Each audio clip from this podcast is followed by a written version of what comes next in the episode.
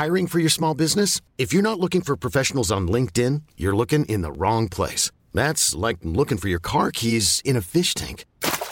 LinkedIn helps you hire professionals you can't find anywhere else, even those who aren't actively searching for a new job but might be open to the perfect role. In a given month, over 70% of LinkedIn users don't even visit other leading job sites. So start looking in the right place. With LinkedIn, you can hire professionals like a professional. Post your free job on linkedin.com slash achieve today.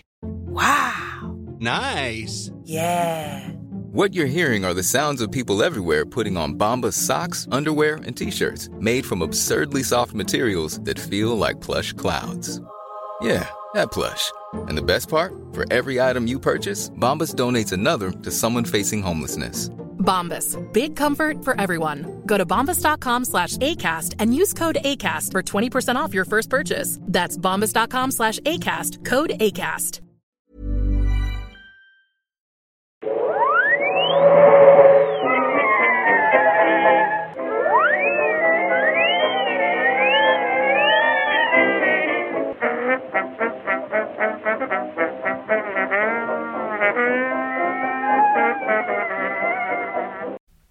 Då börjar det i stort sett bara.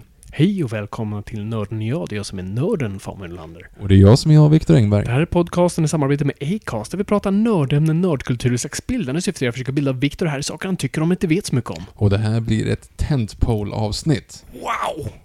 Det het, jag tänkte säga flagpole, men visst är det tentpole? Tentpole. Annars makes no sense. Flagship kan man säga. Flagship. Eh, Det borde vara Batman visserligen. Jo, det är det ju. För att allting kan kopplas till Batman. Men, eh, men nej, det här är. Och jag vet att vi säger ofta, och jag tror jag säger också det här väldigt ofta, att det är väldigt ofta vi säger det. Japp. Men den här gången, det här är en av anledningarna vi startar den här podden. Eller snarare en av grejerna vi har sett, sett fram emot att prata om. Säg så här, för att vara ärlig, det är kanske snarare du som har sett fram emot det. Jag har inte riktigt tänkt på det här. Jag har liksom... Det här är ju... Det är your moment to shine, om man säger så. Ja, precis. Jag har sett filmerna, visst, men jag har liksom inte riktigt varit med i matchen på, på ämnet i övrigt. Nej. Nej, men det här, det, här, det här kommer ju bli, alltså kanske vårt första så här, det här är ett religiöst avsnitt. Hoppla. Det här är ju liksom, det, det, vi vid altaret på våra knän och liksom ta, ja, ja, ni förstår grejen. men är såna här Jesus-grejer. Va? Nej, pulsa i smala Sussi. Fan vilken Jesus-grej. Jaha. Ja. Vi ska inte prata smala Susie. Nej, Vi ska det inte prata göra. Jesus heller, för, förvisso. Nej, det är väldigt eh, lite Jesus i hans filmer. Ja, det är specifikt en film där de, där de specifikt inte hade Jesus när man hade Jesus i sådana filmer. Men vi, kom, Mm. vi kommer in på det. Just det.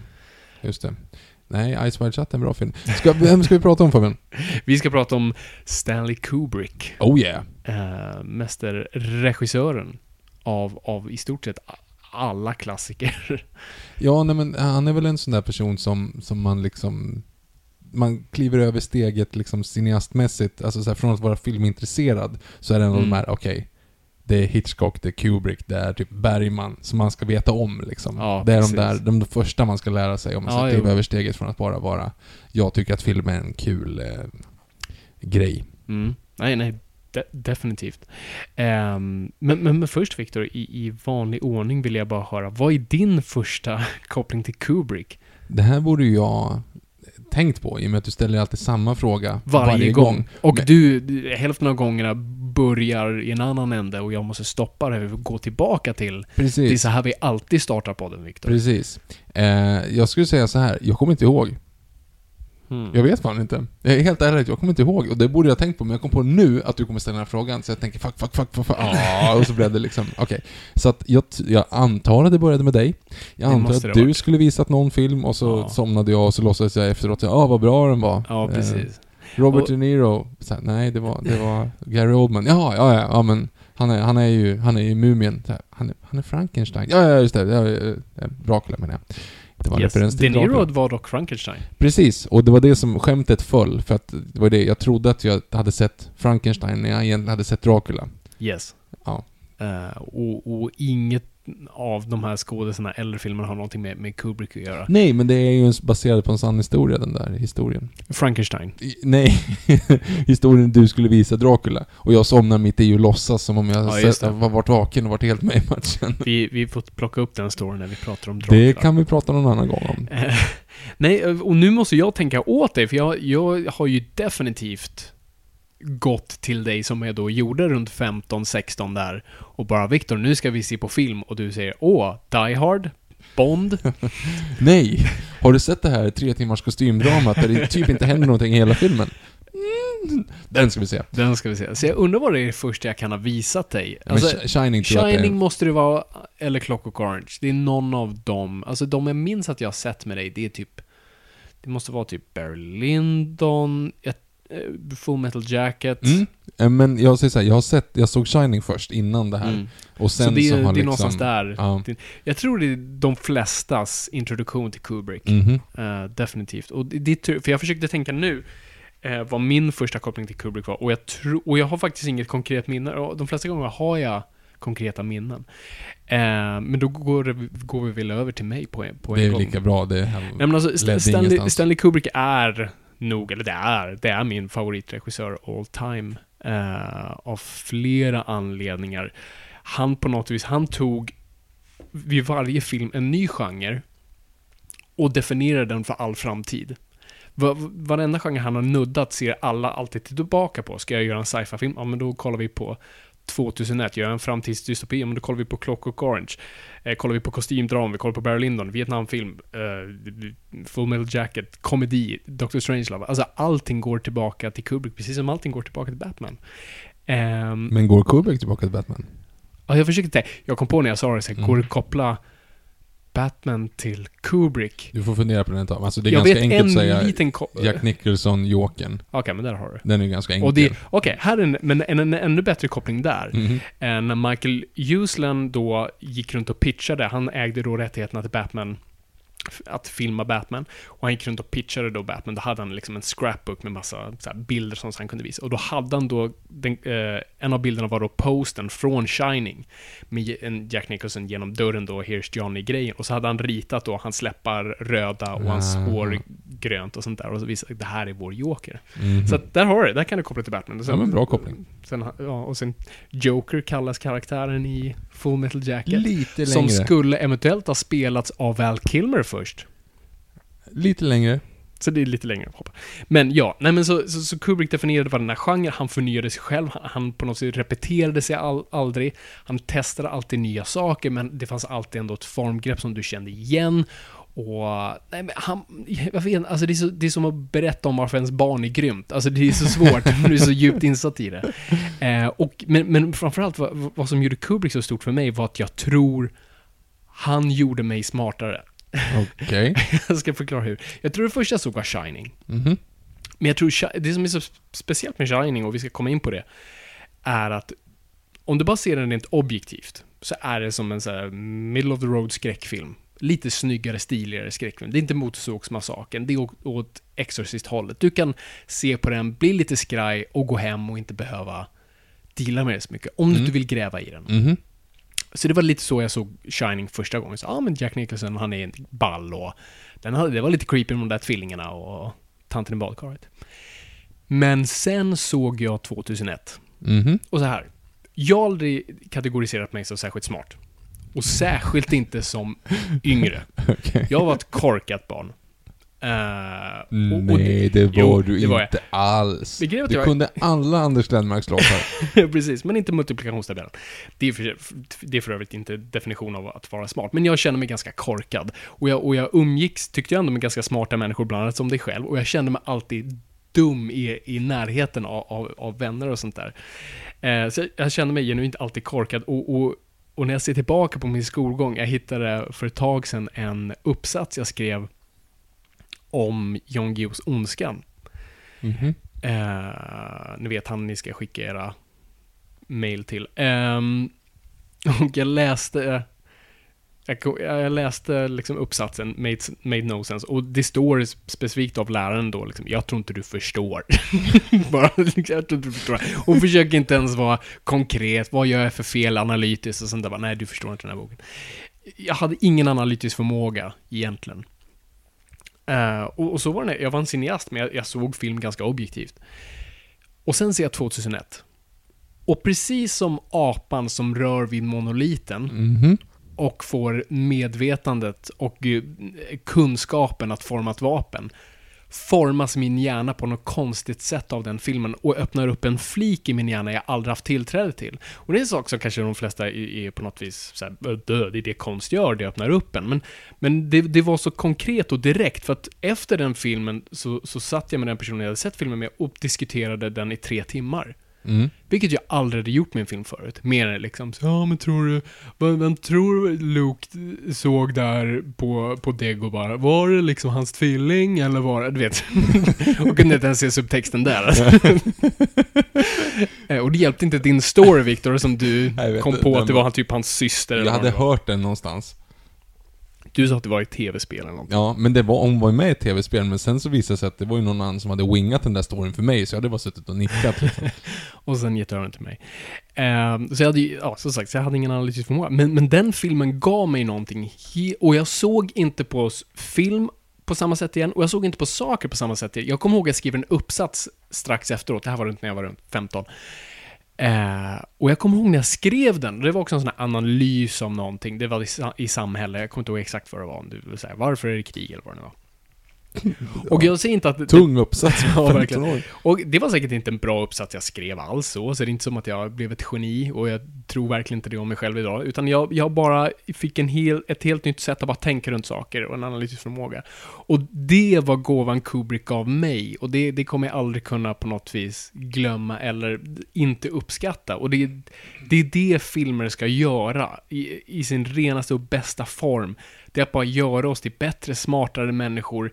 Vad vi, ge, vad vi ger filmen får vi tillbaka. Och, och, det, och efter det var jag såld och jag såg allt med Kubrick. Jag blev besatt av Kubrick. Eh, såg varenda film, såg varenda, försöka hitta varenda intervju och dokumentär med honom och, och Kubrick var ju känd för att inte göra så mycket intervjuer. Eh, så han var ju och ett, själv ett eget enigma, precis som hans filmer. Och där och allt, och så det, det gör, så gör honom så oändligt fascinerande att du hela tiden försöker bara hitta nya saker om honom och försöka förstå honom på något vis. Och det är det jag alltid finner fascinerande med Kubrick, för att när vi sitter där och pratar filmregissörer brukar jag i alla fall ha en bild av vad en regissör ofta försöker säga. Vad är den, vad är den liksom röda tråden genom dennes filmer? Och jag personligen kan hitta en tråd, det behöver inte vara den rätta, men det är i alla fall någonting jag ser. Och med Kubrick kan jag inte göra det på samma sätt. Och jag tror det är därför jag hela tiden kommer tillbaka till honom. För jag kan inte bara säga, åh, men hans filmer handlar om det här, allihopa. Nu på senare år kan jag försöka hitta vissa grejer, men, eh, men det är fortfarande någonting jag, jag söker efter. Och det är därför jag hela tiden kommer tillbaka till hans filmer. Och det var ju också den här grejen att du såg en film, och du var lite så här besviken på den. Um, och sen så låg den i ditt huvud och så vred den sig några dagar och så bara, men vad fan, det där var det... Och sen helt plötsligt var det ett mästerverk. Eh, och det är det många har beskrivit Kubrick, varför Kubrick aldrig, alltså Stanley Kubrick vann ju aldrig en Oscar för regi. Hans enda Oscar var för spe, bästa specialeffekter för 2001, vilket är ganska... Ja, hans filmer vann ju, Skamligt. men han var inte med Ja, i nej, matchen. han, liksom. han, ja. han har aldrig vunnit en, en riktig Oscar för hans regi eller manus eller något sånt där. Utan det var för specialeffekter. Eh, och kritiker var inte särskilt trevliga mot honom heller. Vissa var som var fans, och jag tror det är lite därför för att alla, varje gång det kom en Kubrick-film, det var långt mellan dem. Och eh, hans förra film, han blev en klassiker tills den nya kom, så alla projicerade så mycket. Vad kommer den nya Stanley Kubrick-filmen vara? Och alla blev besvikna. För han gjorde alltid det motsatta. Han gjorde någonting helt nytt, så folk blev alltid besvikna och tänkte så här, ah, vad ska han göra? Åh, han, han ska göra nu en, ett kostymdrama på 1700-talet. Det här kommer vara punk. Vi har precis sett Clockwork Orange. Det här kommer vara liksom helt hejdlöst. Han hade, de hade förväntat sig eh, King Arthur från i år. Ja, ja men typ. Och så är det verkligen ett straight kostymdrama där folk pratar väldigt kallt mot varandra och stilla bilder och, alla bara va? Um, det här var inte kul. Och så tar det tio år och sen bara okej, det här var ett mästerverk. Och det är lite som man själv har, haft som, som relation till Kubrick. Kubrick är någonting som måste jäsa inuti en. Uh, förutom då vissa, alltså som sagt 2001 var bara direkt så okej okej det här är ett mästerverk, vi, må, vi måste prata om det här. Så det är väl mitt, så här, kort och gott, koppling till, till Kubrick. Ja, härligt. Jag hade en, en, eh, en minimikroversion av Mm. det där, eh, när jag såg Pulp Fiction. Mhm. Typ, för då, nej men du vet, det kommer du ihåg, då så här, man fick boxen, till Tarantino-boxen Mhm. och trodde att man var jätteintresserad av Tarantino tills man hade sett filmen två gånger och var såhär, okej, mm, okej, nej, jag, nu förstår jag. Jag förstår vad han gjorde där. Eh, it's been done.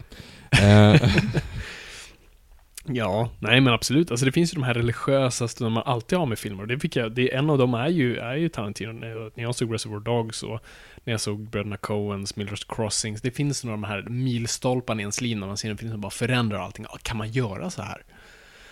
Och man ser på saker på ett nytt sätt. Så att, eh, nej man, du, du får inte se ner på att du har haft en Nej, upplevelse. nej, nej, nej, men den här grejen som du hade när du skulle se allt och läsa allt. Jag Mm. hade det i typ några veckor där med Tarantino när jag hade Ja. boxen och kollade om den några gånger och sen så, ja, tappade, det rann ut i sanden. Hemsk box för den- var så satans ful, för den hade bara Bill, eh, Kill Bill-motiv. Mm. Men ändå var det alla hans filmer Nej, fram men på då. insidan var det ju inte bara Kill Bill.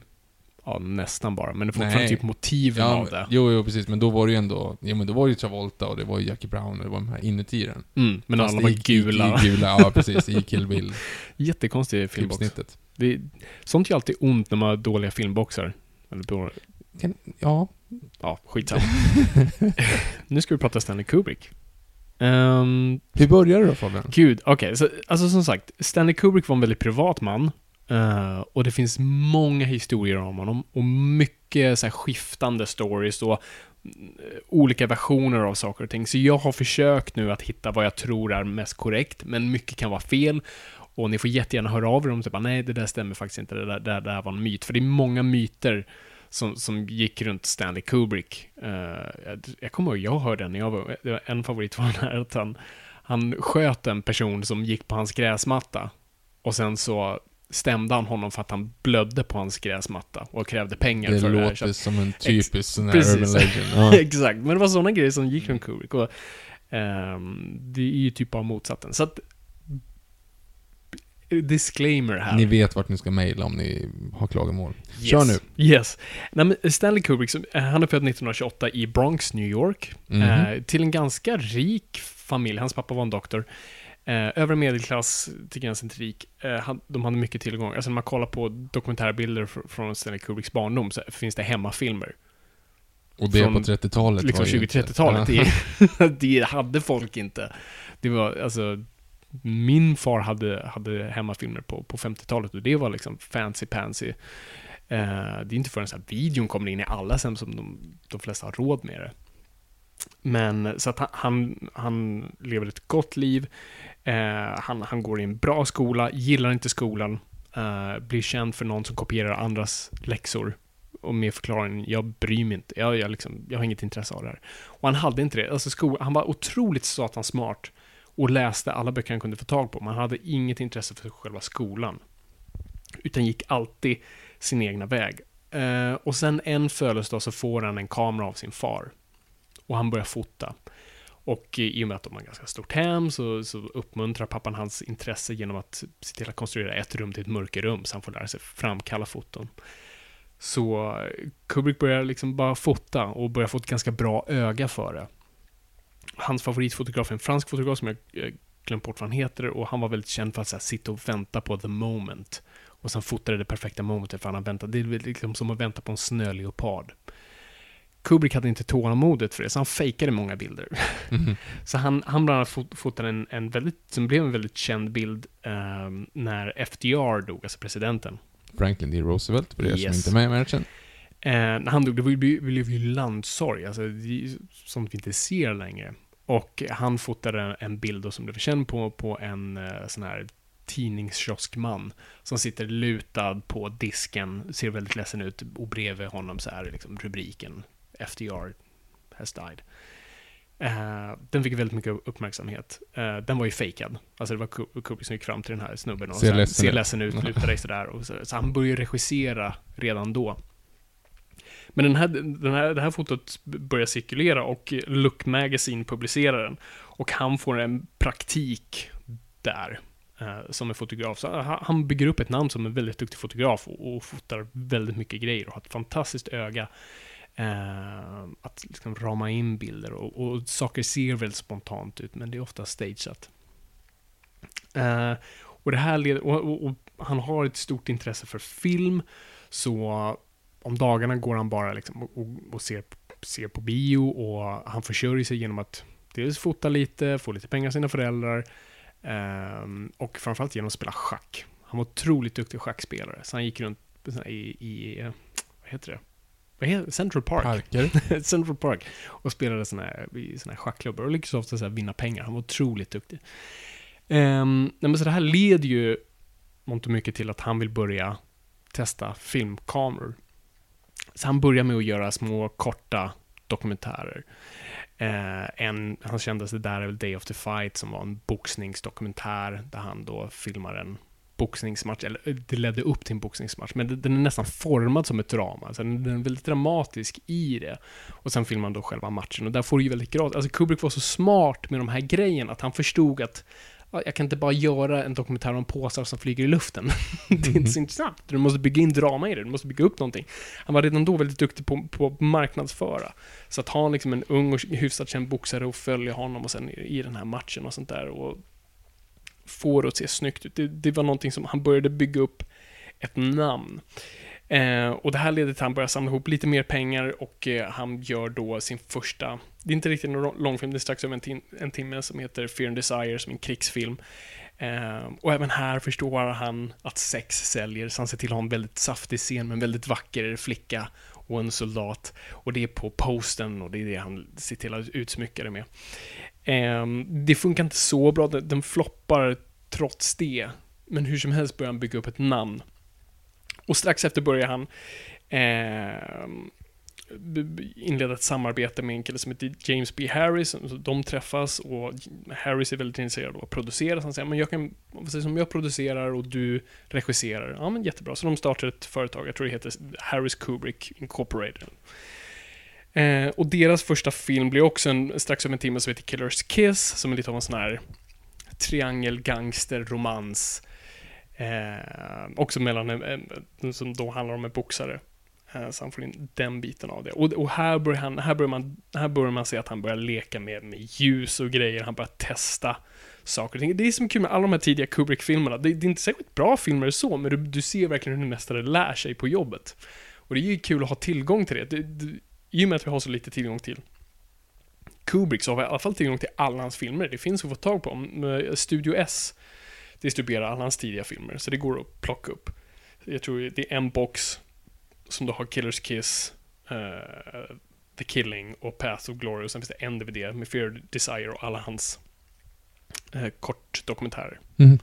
Så det, det, är tips för den som är intresserad. Um, jag har ju inte sett någon av de här kan jag ju bara säga, som du pratar om nu. Men jag nickar och, och ja. hänger med i matchen, så att jag, snart kommer jag in.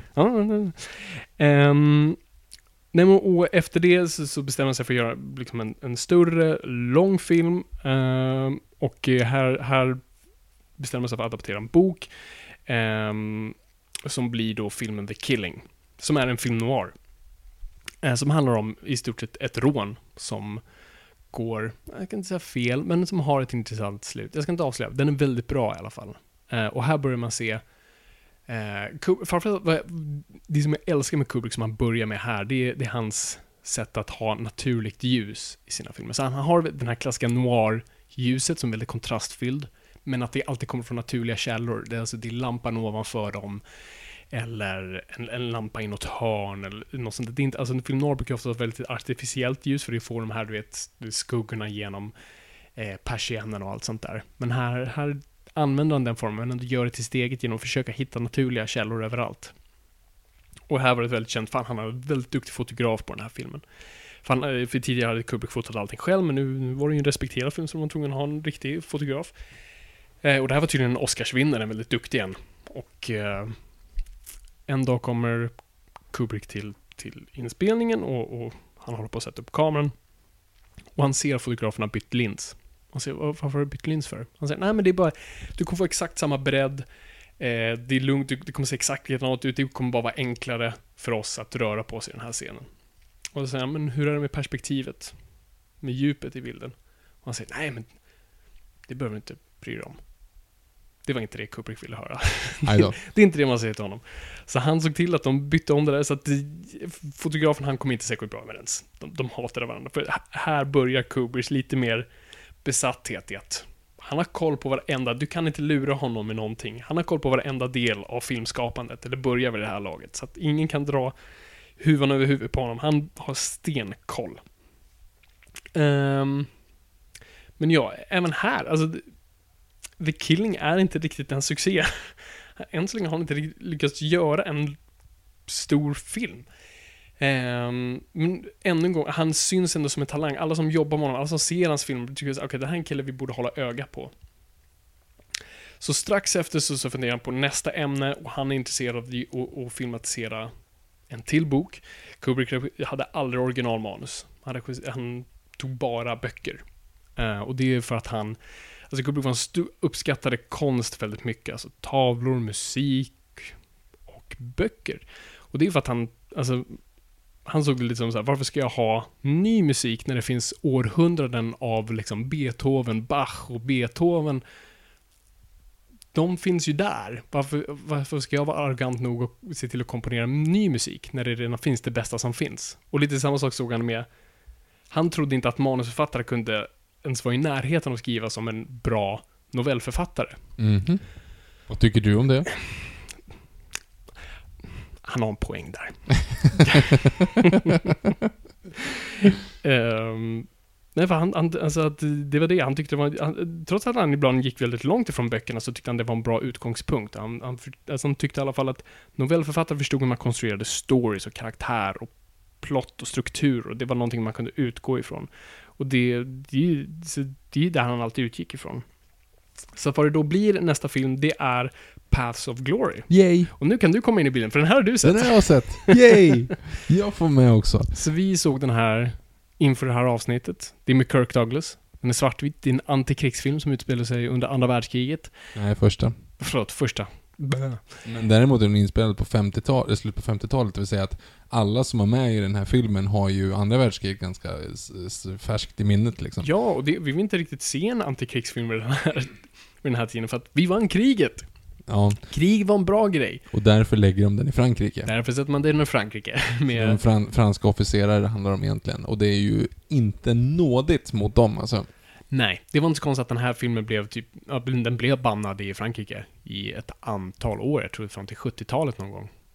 Så det är inte så konstigt, fransmännen var inte så sympatiska.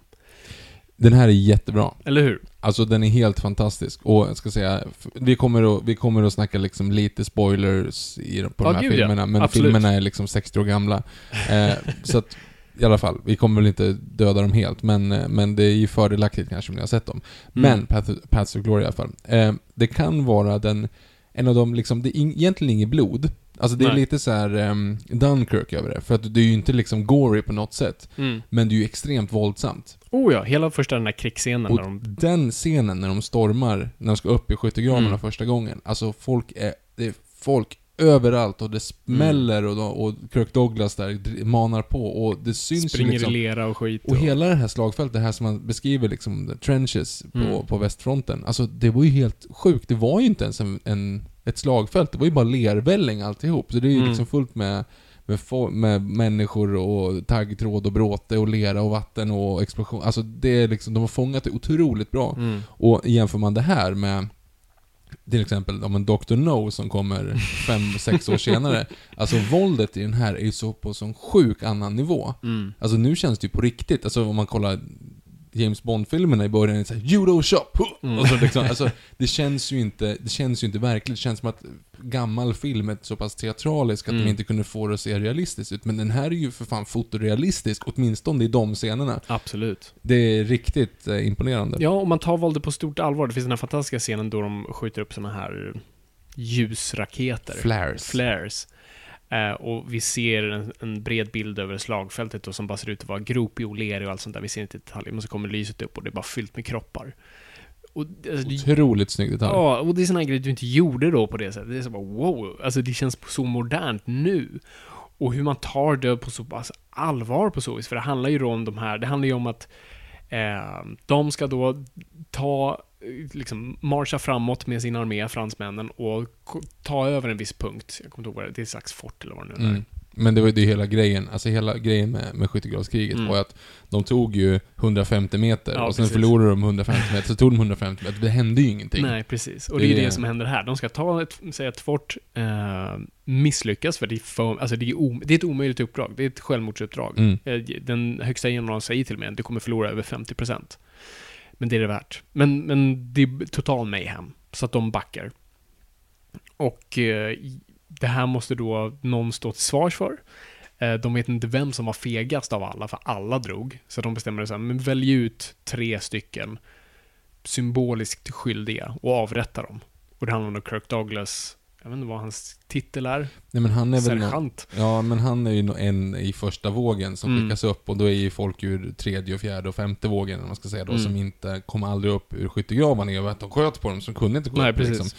Eh, och då blev de utvalda. Så egentligen, det, det vände efter halva filmen med en courtroom-drama istället. Ja, ja, precis. Och det jättebra. Alltså det är skitbra. Den är liksom till och med rolig på sina ställen. Ja, ja, absolut. Och vilket Det- är helt sjukt, för att, men det handlar om en avrättning och man sitter liksom och Precis. fnissar. Alltså det är jättekonstigt. Och sen blir det ju supermörkt med just att man tar döden på allvar. Du får dödsångest av att se på den. Mm. Alltså, det är inte en kul grej att bli avrättad och vänta på det. nej, de nej. får då känna, alltså det är, det är en känsla som är svår att nå. Och särskilt på film, du kan ha sån distans, men jag kommer verkligen in i det tänket. Eh, tack vare vad Kubrick gör. Och här börjar vi se också Kubrick sina element och har ju det här, alltså tracking shot som han var väldigt känd för. Tänk Shining. Här har du det, alltså Kirk Douglas som går i vallgravarna där. Mm. Och kameran följer honom. Riktigt och det är så här oändligt. Eller han följer väl kameran egentligen till och med. Ja, precis. Kameran är framför Mm. honom. Precis. Och du har de här snabba panoreringarna, du vet att han och generalen och den andra snubben sitter i det här rummet och kameran bara swishar fram och tillbaka mellan karaktärerna. Han klipper inte den Det som är, det som är fint, man ska säga, vi behöver inte gå in så grovt, han har gjort ganska många filmer som inte går in så pass tungt. Men det man ska tänka på, det jag menar med att den är rolig, det är att den är absurd. Mm. Alltså det är inte så att man sitter och liksom, man sitter och garvar åt det absurda. Det är en snubbe Ja. som ska bli avrättad eh, och han liksom är medvetslös. Och de bara, Mm. nej fuck it, vi avrättar honom ändå, även fast han inte... Alltså, vet du, det, Ja, det, är sån, liksom, det är sån absurditet i hela den här grejen. Men det snyggaste i den, det är att man inleder ju i första scenen så inleder man på en, en general då, eller två generaler, varav en är liksom högre än den andra.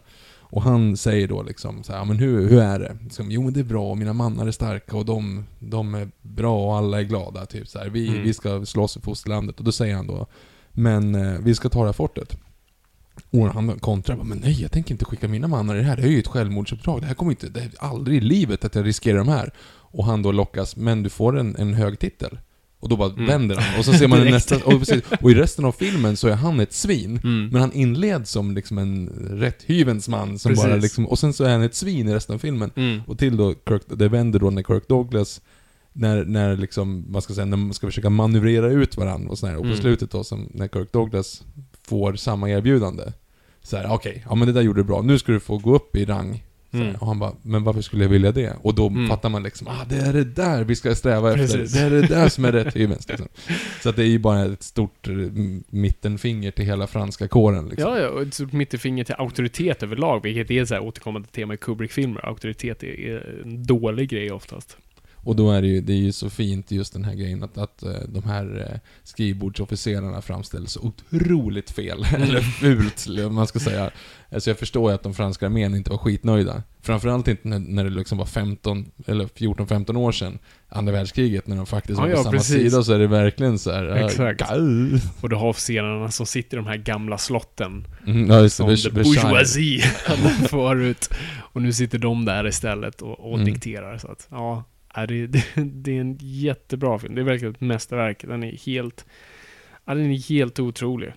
Eh, och här börjar vi se Kubrick ta sin form. Mm. Nej, jag gillar den jättemycket. Mm, det var kul. Nej men så det här, det här blir ju absolut, alltså tack vare Kirk Douglas så blir det här en, en, en, en stor film. Alltså det är en antikrigsfilm, det är inte så vanligt, men det är Kirk Douglas.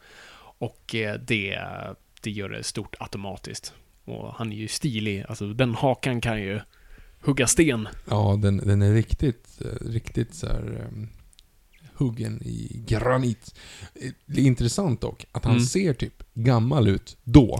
Jag vet, han var typ 40 jo, men, år. jo men precis, och han lever fortfarande. Ja, ja. han är 101 år gammal idag. Ja. Huff. Ja, det är, det är grattis till honom. Mm, eller hur?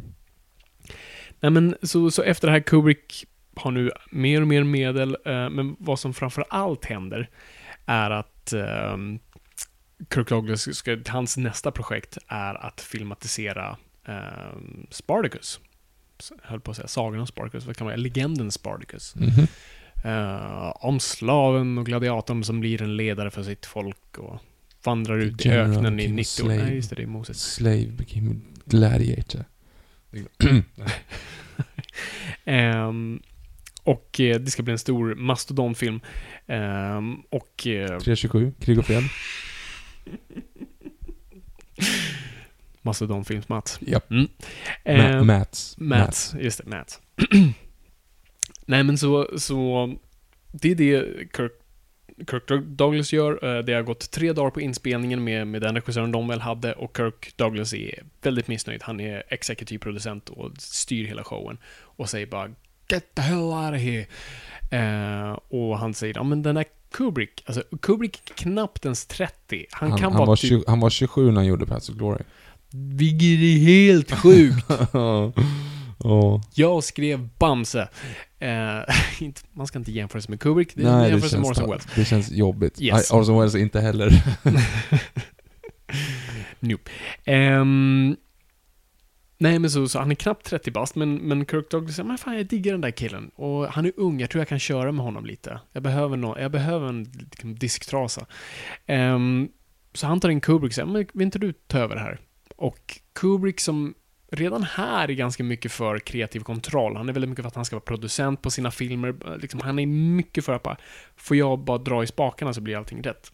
Här kommer inte det vara fallet, men moroten är ju, det är Kirk Douglas, det är en mastodonfilm, en superbudgetrulle. Du kom, det kommer troligtvis bli en hit. Du kan göra vad du vill efter det här. Så det är lite av ett karriärsdrag. Eh, och Kubrick hamnar på det.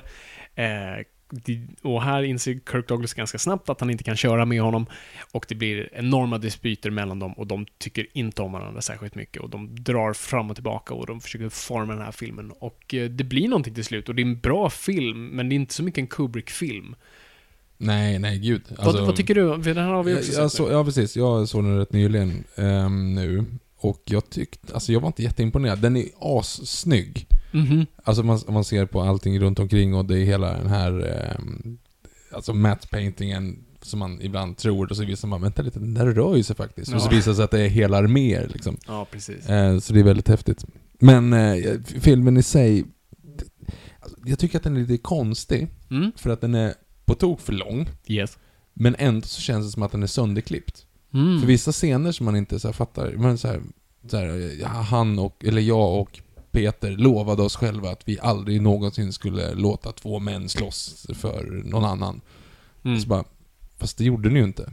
Vi har ju sett alla scener ihop med er. Ni, ni har liksom inte, det gjorde ni faktiskt inte. Och ibland så säger man också så här att han, det är en clipshow med raids bara. Mm. De berättar att han har gått in i en massa olika städer och tagit över. Bara, Fast varför har vi då suttit och kollat på den här feta snubben i badkaret i 15 minuter när Spartacus har gjort allt det här och vi får det vara återberättat i nästa scen. Vet, Det är så här, Mm. de hade, den hade kunnat varit 1.40. Okej, Ehm. okay, mm, det är lite att ta i, men, Ja, men jag alltså- förstår vad du menar. Nej, men jag, jag kommer ihåg när jag såg den här första gången. Det var sån här bara, fan vad jävla bra den var. Och nu, nu när jag såg den igen så tycker jag att den var lite seg. Nej men inte Men- bara, alltså seg är ju taskigt att säga, för det är ju meningen att det ska, det ska vara en mastodontfilm liksom. Men jag, men jag tycker, jag blev inte helt inne i det, och det, det kan också vara liksom 60-talssättet att se på hjältar. Ja. Du vet, alltså Spartacus är ingen karaktär överhuvudtaget. Han har spetsiga axlar. Han har spetsiga, oh, spetsig haka. Och sen så är det så här, ja men han, han, har, han är övertygad om att, ja men att typ mot auktoriteter, återigen, Mm.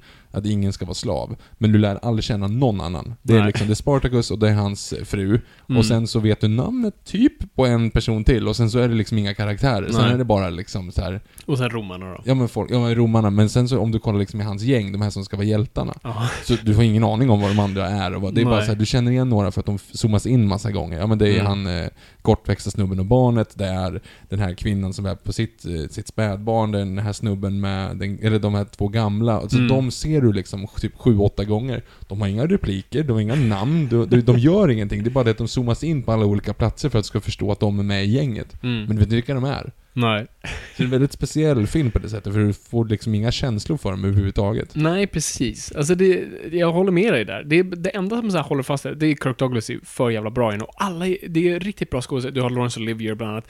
Eh, det är ju A-class skådisar verkligen. Och det är bra prestationer och alltså, allting ser så fantastiskt Och framförallt, jag gillar, den är typ romantisk. På ett konstigt sätt. Det är inte romantiskt mellan han och hustrun. Det, det är lite till tillbaka den till apornas planet. Alltså. Ja. Ja. Eh, men det, det är en romantisk syn på, så här, på, på frihet och mänskap, vänskap mellan män. Och alltså hela den där slutscenen då, du vet, de ska slåss mot varandra. De måste döda varandra för att den vinnaren kommer korsfästas. Mm. Så att båda har ett incitament att döda den andra för att göra det lättare för den. Bara sådana där små grejer som, är, som är, man blir lite så här, hmm. Mm. Och ja. Och sen är det ju romantiskt, alltså det är ju liksom In the Navy, alltså det, You can sail the seven seas in the... Och det är verkligen, alltså, det det är är lite klyschiga grejer man säger om sandal och svärdfilmer. Låt dem slåss i sina underkläder. Varför? Jag vet inte. Och så den väldigt kända scenen i badkaret, som jag tror var bortklippt, eh, som nu är med på, på Blu-ray och DVDn. Det är den här liksom... Do you like oysters? yes, my lord. Do you like snails as well? Uh, of course, my lord. Would you look down upon a person who likes snails? No, no, my lord. Do you find it immoral? No. So, people who like oysters and also like snails, it isn't to the taste of the person, it's what they prefer. Det, det är ett, ett, eh, ett, ett ganska långt skämt också i, i South Park också. Om du vill ha en taco eller en korv på typ... Alltså det är, liksom, det är jätte, jätte osubtilt. Ja, det, jag insåg det nu också, för jag tänkte såhär, de skulle slänga in lite snygga metaforer, men liksom, nope! Det är verkligen bara, Inte alls. want my penis, det är typ det han Ja. säger. Och det är det som får honom och eh, Curtis att fly. Ja, Vilket också är lite speciellt. Men, precis innan efter han bara springer han Ja. därifrån. Det är verkligen, du vet, han tittar bort och tittar tillbaka och så är han Mm. borta. Ja, precis. Lite såhär. Scream i Scary Movie. Precis, eller liksom Boing, alltså i Scooby-Doo. ja, precis. Eh, Snails? uh oh, bara drag. Nej, den är, det är speciellt. Han, han, han lägger in några sådana där. Barry Lyndon har ju också en, en sån där, lite mysko-referens. Alltså där man, man driver med, med homosexualitet. Ja, just De här det. två officerarna gör de ju också. Ja, jo, precis. och Exakt. de framstår ju som att vara löjliga när de är, när de är intresserade Ja, ja av precis. varandra. Det, det spelas för humor. Det gör ju inte samma sak i Spartacus. Nej, det det, spelas ju inte. för humor, utan det spelas... Jag finner bara... Den, den, Det är för bara det, konstigt. det är en konstig scen just för att den inte säger någonting om karaktärerna mer än att liksom I gotta get the hell out of here. Ja, precis. Eh, men absolut. Nej, det f- förekommer ju i, i Berlin också. Det, definitivt. Men, eh, ja nej, jag vet inte. Jag, jag tycker om Spartacus. Jag tycker det är otroligt. Av, av alla de här, vad som också var så unikt med den var ju att alla de här sa- sandaler och svärdfilmer hade ju en koppling till Jesus oftast. De Mm. var väldigt religiösa. Trots att de, alltså som Ben Hur, som man inte tänker är, ska ha någon koppling till Jesus. Eh, halva filmen är Jesus. ha- halva filmen är Jesus. Man tänker inte såhär, men hur? Ja, och så ser man det så bara, oj, det var en sån film. Och så var alla filmer då. men den här hade inte Jesus. De hade Kubrick istället. Mm. De säger ju ändå, de inleder med såhär, såhär 'Years before Christianity' Mm. Alltså de, de, Så förs- tydliga de, är med så de här- bara, va? Så att folk inte ska bara, where is Jesus? Ja, ja, precis. Och sen så I säger, Jesus och så here. pratar de ju också om så här: 'God will prevail' Man bara, vänta, romarna hade inte ens en gud, de hade många gudar. Men Precis. då skulle du sagt namnet på Det är ju lite roligt, för romarna pratar om gods Mm. I plural, medan Kirk Douglas alltid säger God. Ja, Så att du jätte- kan så läsa in, de säger aldrig, det är aldrig den kristna guden, men för liksom de i Middle America som är lite nervösa över att inte ha tillräckligt med Jesus i sina filmer, de kan säga okej, men han, det är nog, han, det är Kirk Douglas, han menar Gud, Gud. Mm. Ja, det är mysko innan Gud, Gud gjorde sig till, gav sig till känna. Ja, ja. Ja, ja. men jag tycker om den. Jag tycker det är en jätteintressant film och det är häftigt att se, alltså, för man ser ändå Kubrick-grejer, alltså hur han ramar in bilderna på något sätt. Alltså de här väldigt stora, breda bilderna med arméer och folk som vandrar och... Det är otroligt. Jag skulle vilja veta om de hade de där eh, eld, eldmangen på riktigt. Som de Mm. har på slagfältet. För det är två stycken som springer då med typ som en, ja men som en mangel eller som en brödkavel som Ja. brinner. Och så springer de och jagar folk med den. Mm. Så har de den kaveln mellan sig som brinner. Och så blir det så här, det är så här. Det ser inte ut att göra nog ont för att ha på ett slagfält, men det ser ut att vara batshit crazy farligt för att ha på en filminspelning. Så ja, att för det är folk bara... får en över sig. Alltså det är en sak som vi reagerar på. Alltså, människoliv betyder inte mycket under 60-talet, under filminspelningar. Nej, men det kändes som att alla måste ha slagit sig fördärvade i många scener. Ja, Alltså. ja, absolut. För du ser, alltså ofta så här, man ser en stuntman hoppar ur bild för att han ska landa på en studsmatta. Här är det en bred bild och studsmattan är borta. Ja, precis. Man ser dem nu, landa nu, riktigt nu fäller vi det här stora stängslet. Det står två snubbar under. Mm. Ah, skitsamma. Och så får de bara, de får verkligen över sig rejält liksom. Ja, ja, absolut. Och som du säger, de där brinnande grejerna. Man ser att Mm. folk, får dem över sig Mhm. och börjar brinna. Och man Japp. ser att det, och folk så här hoppar över den som någon har sagt, jo men hoppa över den. Det är lite som att dra ditt finger över det, du vet, en stearinljus. Men så ser man att det är så här, "Nj, de har kjol på sig och Jo, de hoppar stock. inte nog högt. det är väl bara liksom... Så jag, Ja. vet- åh gud, det, det, jag tror de spelar in det i Spanien, så det var också så här att Äh, det löser Screen. Actors Guild inte hade då sina... Behövde ha koll på vad som hände där. Mm. Ja, men det är en bra film, men, eh, men eh, alltså det måste ju också, man måste se den i kontexten att den är gjord 1960. Det vill säga man har inte sett så jättemycket annat på den här typen av mastodontfilmer som är välgjorda, välspelade, eh, alltihop. Ehm, det är fortfarande lite, lite, lite så här det här teaterskådespeleriet. Mm. Jag har ju lite svårt för det, men ibland glömmer man bort det liksom. Men det som man sticker ut här, det är att jag kommer inte ihåg vad han heter, men vi sa ju det typ i mun på varandra. Ja. Bara, jävlar vad bra han är! Mm. Att det är en snubbe som sticker ut, att han är liksom Jag glömde bort nu vad han heter och han vann Oscar.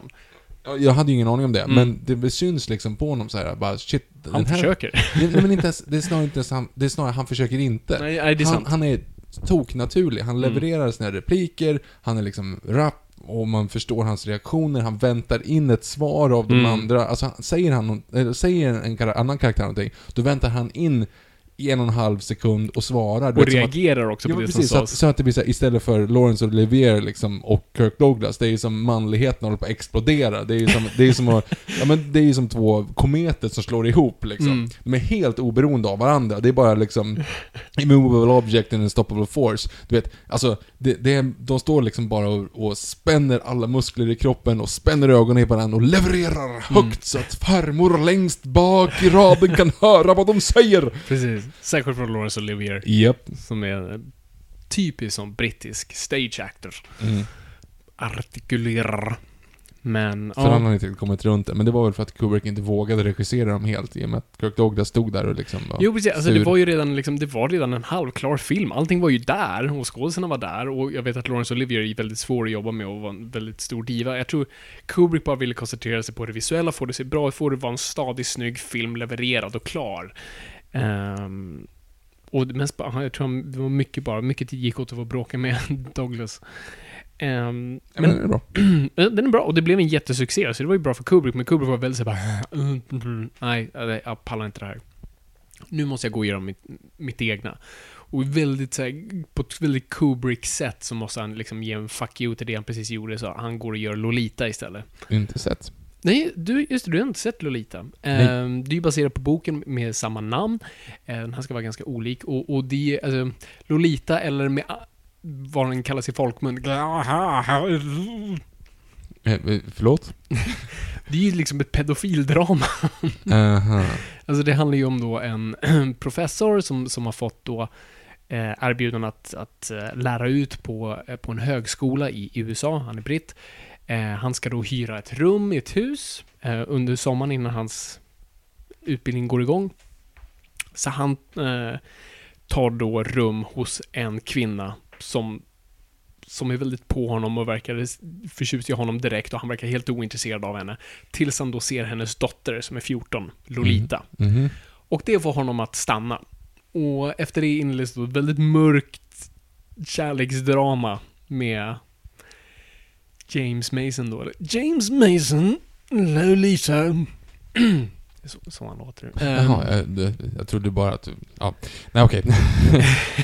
så det, är- ja, det är liksom, det är det det är. Och det här görs på liksom, det här var ju det här 1962 tror jag? Ja, Ja, ja, 62 är det. Spartacus är ju 60, så att Mm, det här är väl... ja, 1962. Och det är Mm. med eh, James Mason eh, och Peter Sellers. Mhm. Och eh, ja, det är alltså, det är ju en film som, som, som var omringad av kontrovers. I boken tror jag att hon är 11-12, så de var tvungna att öka det till 14. Ja, skulle det är mycket bättre. Mer okej.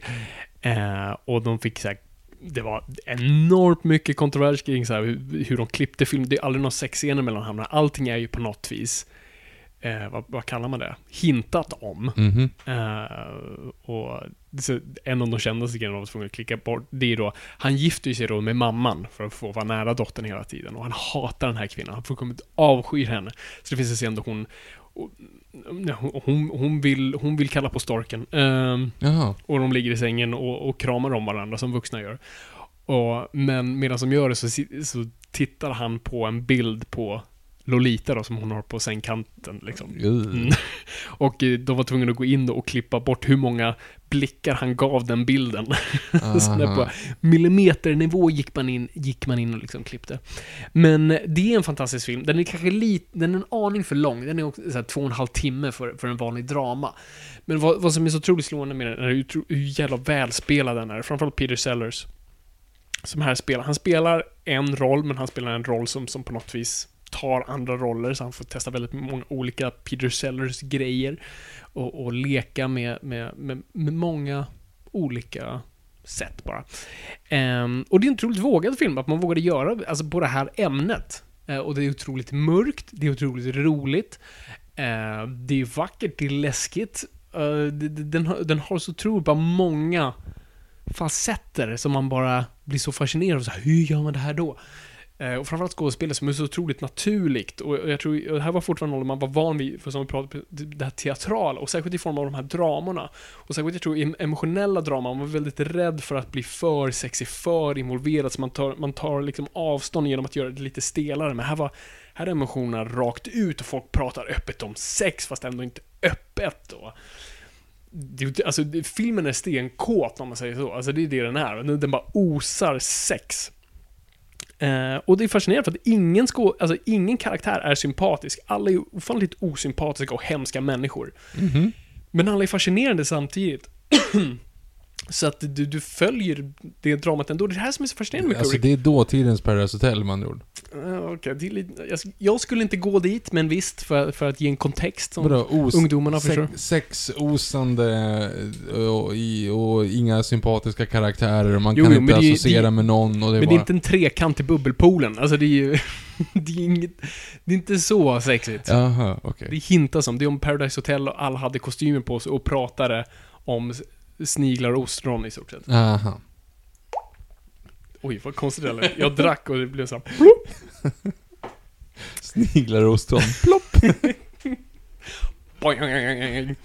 Ehm, nej men så det, nej, jag, tycker, jag tycker det är en otroligt fa- fascinerande film. Och det är här som att det går tillbaka till Kubrick för mig, just det här med hur han lyckas få oftast ganska osympatiska karaktärer, eller kalla karaktärer. För att Kubrick blir alltid anklagad för att vara väldigt kall i sina filmer. De är snygga och de, de ser fantastiska ut, men, men, men karaktärerna är väldigt kalla och frånvarande. Och det är det många ofta har svårt med. Och jag kan delvis hålla med dig, så jag, jag har fortfarande svårt att fatta vad jag oftast gillar mer, för jag brukar oftast klaga i den här podden på att nej, jag gillar inte karaktärerna, de var inte fascinerande, de drev inte storyn framåt. Och oftast prickar Kubrick de grejerna jag oftast svårt för, men han gör det rätt. Jag förstår inte alltid riktigt hur. Mm. Eh, ja, jag håller med på en kommande film. Väldigt mycket. Okej, ja, Och vi- en på en kommande, kommande, kommande. Inte så mycket. Så att, ja, vi- ja, men vad bra. kul. Du, kom ihåg det, och så, så, så, så plockar vi upp det senare. Mm. Men det är det som gör den här filmen så fascinerande. Den är bara fascinerande. Jag tror det är därför man, man, man- vill se vad det här fan går någonstans. Jag tror det är det som är drivkraften. Man undrar så hur fan ska det här sluta? Det är spännande på så Och den har en slags, den börjar i slutet. Snarare lite av en sån noir-inramning. Så att det hjälper oss lite att säga, okej, jag vill veta hur vi, hur han når dit. Mm. Jag kan ju avslöja i början, för det är ju det är inte att avslöja. Det är ju liksom att James Mason eh, går till Peter Sellers och hotar honom med pistol och säger att du har förstört mitt liv. Aha. Och hon säger, åh, hur gick det till? Och så... Maybe you wonder how I got here. Ehm, ja, nej men så, jag, jag tycker Lolita, alltså, alla filmer här är värda att se. Har ni inte sett dem så se dem. Det är inte en favorit, men det är fortfarande, alltså, en- nu, när jag kommer säga det här är den sämsta Kubrick-filmen så är det ett mästerverk fortfarande. Vi kommer Okej. komma till min minsta favorit, så få in det bara i ekvationen här att så här, Kommer komma till din minsta favorit? Ja, Aha. Okej, ja, ja. så ni får, ni får gissa vad det är. Vi, på mina lektioner är vi du med varandra. Kom ihåg det. Magnus Rosman i Onskan. Ja, jag förstod inte Ondskan, så att jag, jag kommer inte ihåg. Det var då jag förstod. Jag tror det var, det var innan någon ens tipsade om det. Jag, jag, tror att Jag visste inte att jag var dyslektiker, så jag gick bara och lånade ljudboken på biblioteket och slapp läsa den. Mhm. Nej, jag läste den faktiskt. Mm. Ja, det var en av de så här första böckerna. Ja, för mig är typ, alltså Ondskan, Ondskan är för mig vad, vad 2001 är för dig i en Va? mild grad. Va?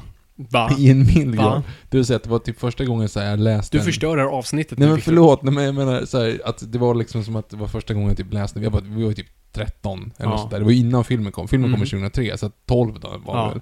Eh, Så läste man den och tyckte så här, men shit, jag typ läser en bok och tycker att den är bra och jag förstår vad karaktären är. Jag låtsas inte bara, jag sitter inte bara och liksom tittar på orden tills jag typ har läst länge nog att kan byta sida ungefär. Alltså du vet så här, man sitter bara och alibi-läser. Ja. Eh, Men det var typ en av de första gångerna jag faktiskt läs, satte sig ner och läste en bok på riktigt. Mm. Eh, Sagan om ringen innan, men den är ju liksom, som vi har pratat om förut, vi har Men fyra, läste du Sagan om ringen sidor. innan du läste Ondskan? Ja, gud ja. Men var inte det en religiös upplevelse då? Nej, det var det som var grejen. Det var därför det kändes så konstigt, för Sagan om ringen alibi-läste man ju, för att man var tvungen typ. Och det var, alltså jag kommer ihåg att jag verkligen, första 60 sidorna hade jag ju ont i kroppen av att läsa. Mm. Alltså det var ju, som du har sagt tidigare, det är fyra sidor beskrivande av löv. Alltså det är, Mm. det är på den nivån. Första 66 sidorna är piss. Alltså nej det är Mm. det inte, men det är skittråkigt. Concerning hobbits. Ja, och det är den svenska översättningen. För jag är ju... Oh, jag den är- gamla Den svenska gamla översättningen. svenska översättningen. Som, det var ju liksom mer eller mindre oläsbart. Mm. Men den, den engelska är bättre.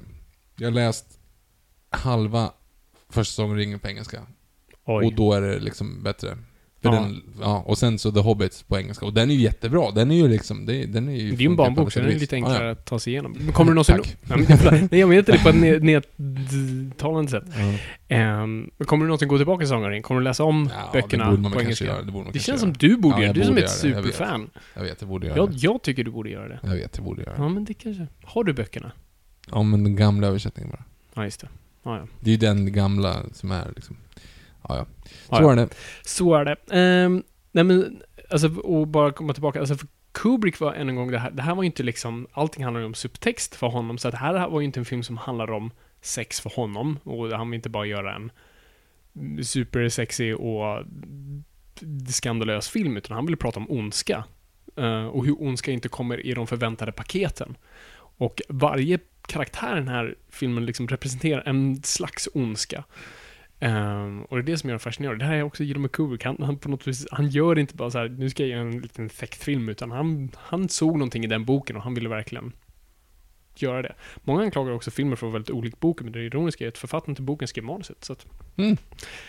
Hur som helst. Men ehm, efter det här då, då alltså det- Lolita var ju en, blev ju en stor succé på grund av alla alltså, skriverier om det. Alltså det, det. Och det var ju någonting i luften. Det här är ju precis innan liksom, The Summer of Love och, och allt sånt där. Man förstår ju att, att det är lite eh, skandalösa grejer. Och på den tiden så var det väl också det så här, du måste ju gå på bio för att se vad det What's the fuss Vad alla about. pratar om. liksom. Ja, precis. precis. Jag kan inte vänta tills den kommer på, till Netflix. Mm. Ehm, nej, precis. Så det här var ju en supersuccé. Ehm, och Kubrick får än en gång utrymme att välja projekt. Och Kubrick är väldigt, alltså han är ju supernörd på ett sätt. Alltså han är ju lite liksom, som jag tror, alltså som jag också ibland är så här, och inga andra jämförelser i övrigt med Kubrick, men alltså just det här, man nördar ner sig på Man intresserar sig för någonting och så bara kollar man upp allt om det. Okej, nu kan jag det, och så går man vidare till någonting annat. Det är som nu i, nu i, vad är det nu? Är det höst? Eller i år. Skojar du? 25, regnar 25, löv. o- 25 oktober, eh, löven är gula och röda och ramlar av. Det är tre grader ute och regn. Yes, sorry. Men jag tänkte, för det var precis, det är ju nu oktober. Och då fick man ta på Inktober. De, det här året har ju nördat in mig på pennor. Det har varit lite så här, året av pennor. Mhm. Jag fick för mig, har jag sagt det här i podden Jag förut? tror inte det. Ja, Jag, jag känner bara hur jag får. Nej, stackars dig. Ja. Jag känner en rörmokare. Och jag, och jag, te- jag satt på en middag med den här rörmokaren. Jag har snörat ner mig på pennor. Och storyn börjar, jag känner en rörmokare. jag kommer till det. Okej. Och jag, och jag satt på middag med den här rörmokaren och jag bara satt och tänkte, Snacka skit, till... Ho!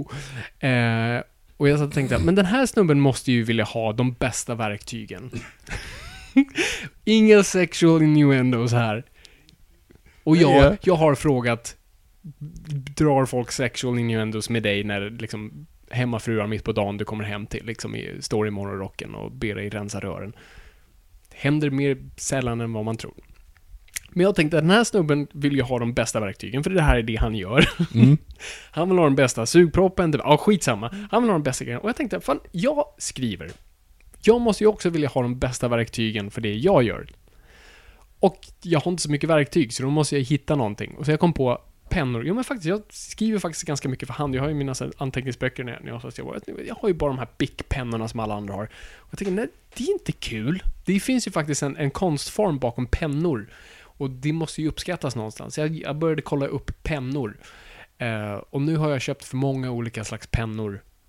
Eh, och har börjat en smått ohälsosam samling av pennor. Det måste väl vara det tråkigaste som finns att samla på. Alltså Mm. verkligen. Alltså pennor. Pennor är ju en sån här grej. Det är när du börjar sälja dyra pennor, det är ju då ska du hitta en marknad för de här som har för mycket pengar och inte vet vad de ska lägga på. Alltså det är ju, Yes. det är ju bara fel.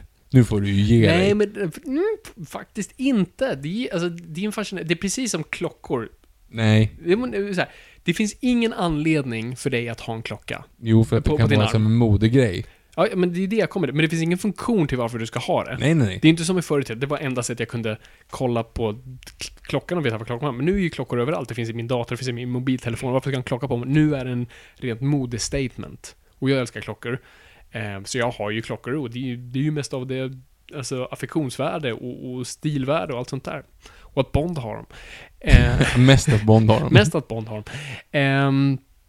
Och samma sak är det med pennor. Jag behöver ju inte en penna. Jag kan skriva en anteckning på, på mobiltelefonen eller jag skriver ju på datorn och sånt där. Men på något sätt, jag gillar ofta, jag oftast, jag kommer ihåg saker bättre. Men jag har ju alltid en an, anteckningar med mig här i, i podden. Och jag har ett visst anteckningsblock bara för den här podden.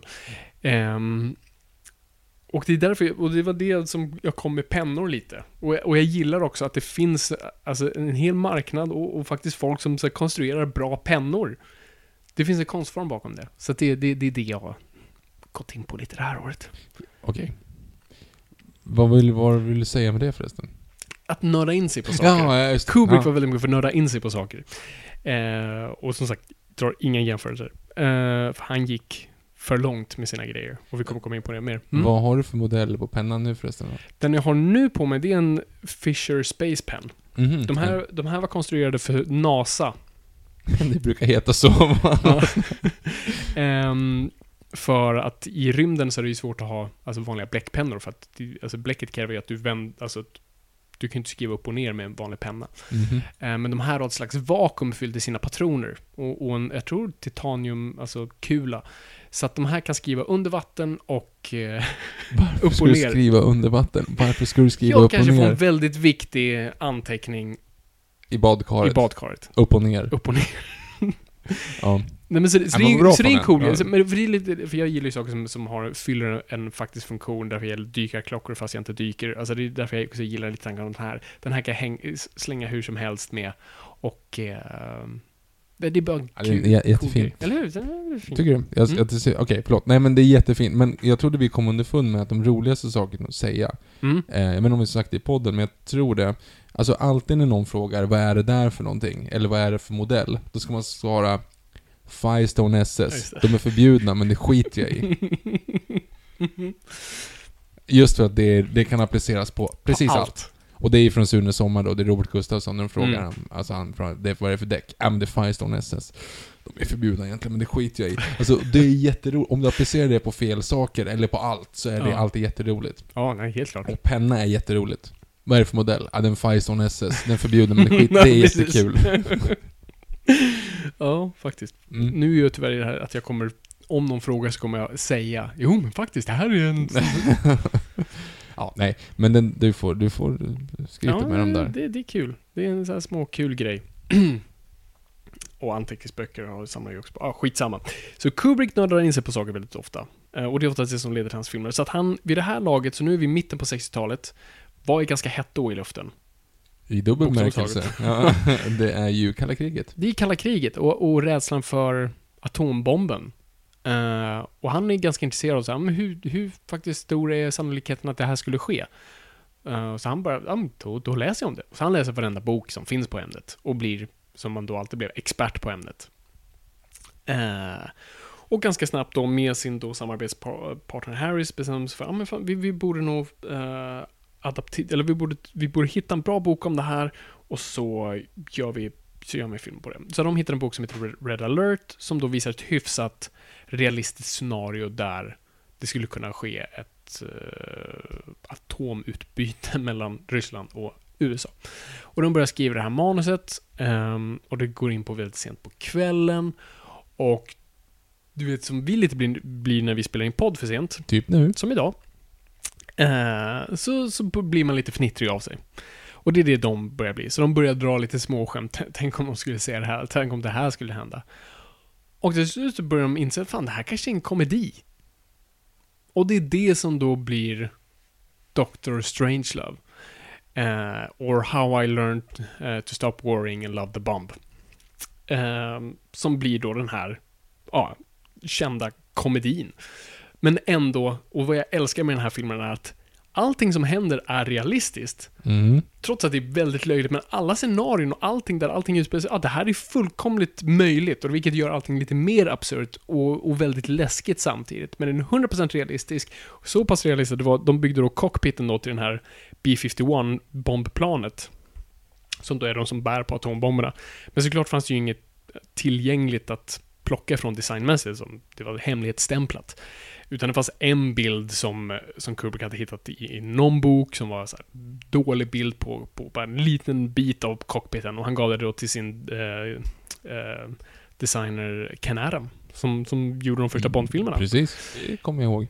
Ehm, och eh, så han så här, utgår från det och sen hitta på resten, men eh, liksom utgå ifrån verklighetstroget, plocka vad du kan hitta ifrån. Så kan Adams designa och sen göra den här cockpiten och mitt under inspelningen så finns några amerikanska officerer som är nära inspelningen och, och frågar så ah, får vi komma in och kolla vad ni gör? Och så, de kommer in och det är precis då de har den här cockpiten och de får komma in och kolla och kan han beskriva att de blir bara knäpptysta och likbleka och gick därifrån. Sen några timmar senare så får, får Ken ett samtal av Kubrick och- som säger bara Du, jag hoppas att du har referenser på varenda grej du har designat där inne för att jag har fått ett samtal av försvaret och om vi inte har referenser så kommer vi sitta i väldigt svårt klister. För det var så verklighetstroget. De hade gjort saker i, som de inte hade någonting från och nästan gjorde det identiskt till vad det var. De har träffat det bra med andra ord. Så det tyder på hur verklighetstrogen den här filmen är. Men det här är ju Dr. Strangelove. Jag kommer ihåg, när jag såg den här första gången med dig, Mhm. eh, d- så var det lite som att... Jag vet inte. Det, det var svårt. Ja, jag vet. Eh, men nu såg vi den igen. Mm. På fantastisk Criterion Collection Blu-ray. Mm. Eh, och, och så först vill jag höra, vad tyckte du nu? Ja, det var ju inte, den här gången är det ju inte som, alltså...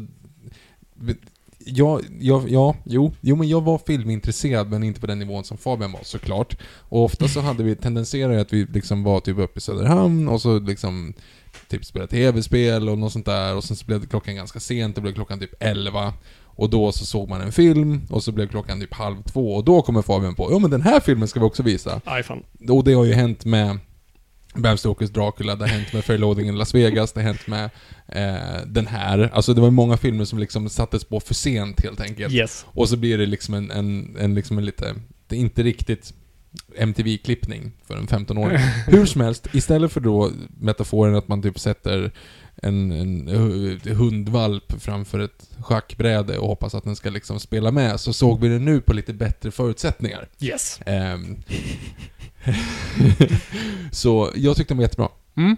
Jag tycker den är, alltså den, den är, ehm, och jag tror nästan att det jag tycker är, det jag tycker är bra med den tror jag att det är, eller snarare så här, det du tycker är bäst tycker jag är det, det, det, sämsta med den. Okej. Eh, det vill säga typ de roliga bitarna, för jag tycker Mm. inte att den är kul. Alltså jag tycker inte Okej, att för den det är, var, det, det var min följdfråga. Tycker du den är rolig? Nej, den är inte rolig. Den är, alltså den är, det som är kul, det är ju små, alltså den jätteexcentriske ehm, generalen till Mm. exempel, han är kul. Mm. Alltså han, han är liksom, men han är ju kul på ett pan- pantomimsätt. Mm. Eh, men det är liksom lagom kul. Och sen så finns det några detaljer i Men några samtalet scener. mellan president Muffley och, Men den, och den, Dimitri. Nej, alltså det, Tycker du det, är det? så här- Men det, det blir liksom så lite, nej. det, nej, alltså, ja, det är liksom lite så underhållande, men det är ju inte liksom laugh out loud funny. Okej. Och framförallt så Dr. Strangelove ser jag ingenting i. Alltså det är verkligen, det är your alley liksom. Ja, jag Men- var ju utklädd som Dr. Strangelove på ett halloween-party. Bra story för övrigt. Det, det är inte, det är en tragisk story. Ingen visste vem jag var. Eh, och jag stod i toalettkön med någon som var utklädd till, uh, um, eh, men gud, Vanheden. Och han tittar på mig, jag står där i kostym, en läderhandske, glasögon och väldigt så här konstigt hår. Och han frågar, vem är du då? Och så jag håller en öl i ena handen, så jag tänker, ja men jag ska göra den här, du vet, heilningen, då han tar tag i sin egen arm. Så jag börjar, och du vet, man, man, man är lite under västen. Så att jag, jag liksom kör så här. Han frågar, ja, vem är du då? Och så ska jag göra den här grejen då, så jag, jag ska rycka upp min arm och fånga den med den andra. Det, det jag glömmer bort då är att jag har ölflaskan i då den, min, min heilningsarm. Så jag bara, och så hela innehållet över ölen kommer över Vanheden. Och det blir några awkwarda minuter efter det. Då har nummer ett, varför heilar du? Nummer två, varför är jag dyngblöt? Och så, vem är du? Ja, och så jag bara så här, kastar öl på dig. Jag bara, vad gör du? Jag försöker, jag försökte bara vara snäll, jag försökte vara lite small talk bara. Ja, precis. Det misslyckades. Nej men sen tycker jag att den väldigt, alltså egentligen, den fenomenet, det vill Mm. säga att du skickar iväg ett bombplan som är förprogrammerade destinationer, mm. och de har i sina liksom inställningar, eller sina instruktioner, att de ska ställa om sina koder så att ingen kan prata med dem. Nej, för att Det är inte... meningen liksom. Ja, precis. Vilket du köper 100%. Ja, och då är, det, då är de på väg. Så helt plötsligt har du 200 plan. För det är det som är storyn då. Det är helt enkelt, det är ju typ 200 plan som, är, som cirkulerar i... Ständigt i luften. Och det, så var det ju liksom. Mhm. Och de kunde ju få, de har ju liksom en, en om de får typ kod röd, då måste, då ska de öppna sin, eh, ett här kassaskåp och där i finns målet vad de ska bomba och de ska slänga atombomben Mm. på, på den här platsen liksom. Eh, och när de får den där grejen och de läser det, de har ju, ingen vet ju vart de ska, men då får de reda på okej, men nu ska bomba den här fabriken i den staden i Ryssland, Mm. så bara åker de dit och sen så får de säga okej, men nu ska vi stänga av radion. Så de stänger av så ingen kan nå dem efter det. Nej, så att inte misskommunikation ska kunna skickas till dem via ryssarna och sånt där. Utan du får det här, det här är sista koden som du någonsin kommer få. Nu går det att göra. Och det är det som är, det är det som är storyn då helt enkelt. Att helt plötsligt så har de massa plan som är på väg in i Ryssland Mm. och skickar ett bomb, fast det var inte meningen. Alltså det, det är Precis. ju någon som har fått liksom blivit lite knäpp och bara... Ja, det är ju en general som Ja. blev besatt av eh, bodily fluids. Ja. Eh, och får för sig att bomba ryssen. Ehm, nej, jag tycker så här, det här är en av mina absoluta favoritfilmer. Ehm, det är världens bästa komedi. Är det världens roligaste komedi? Nej! Men det är världens bästa komedi. Mest för att den är i genren. Alltså, det, det är nog... Okej, det kanske finns en snyggare, men det är alltså absolut, en av de absolut bäst fotade filmer jag någonsin har sett. Alltså, ingen har använt svartvitt på så pass bra sätt som Kubrick. Alla bilder är så perfekta, ljussatta än en gång och använder sig av då praktisk ljussättning. Eh, som sa, alltså praktisk ljussättning är saker från liksom naturliga källor. Det behöver inte vara äkta, men det är från lampor i rummet eller något sånt där som i då eh, The War Room som då är formad helt fantastiskt. Så man då frågade Ken Adams, vad är den mest hållbara formen?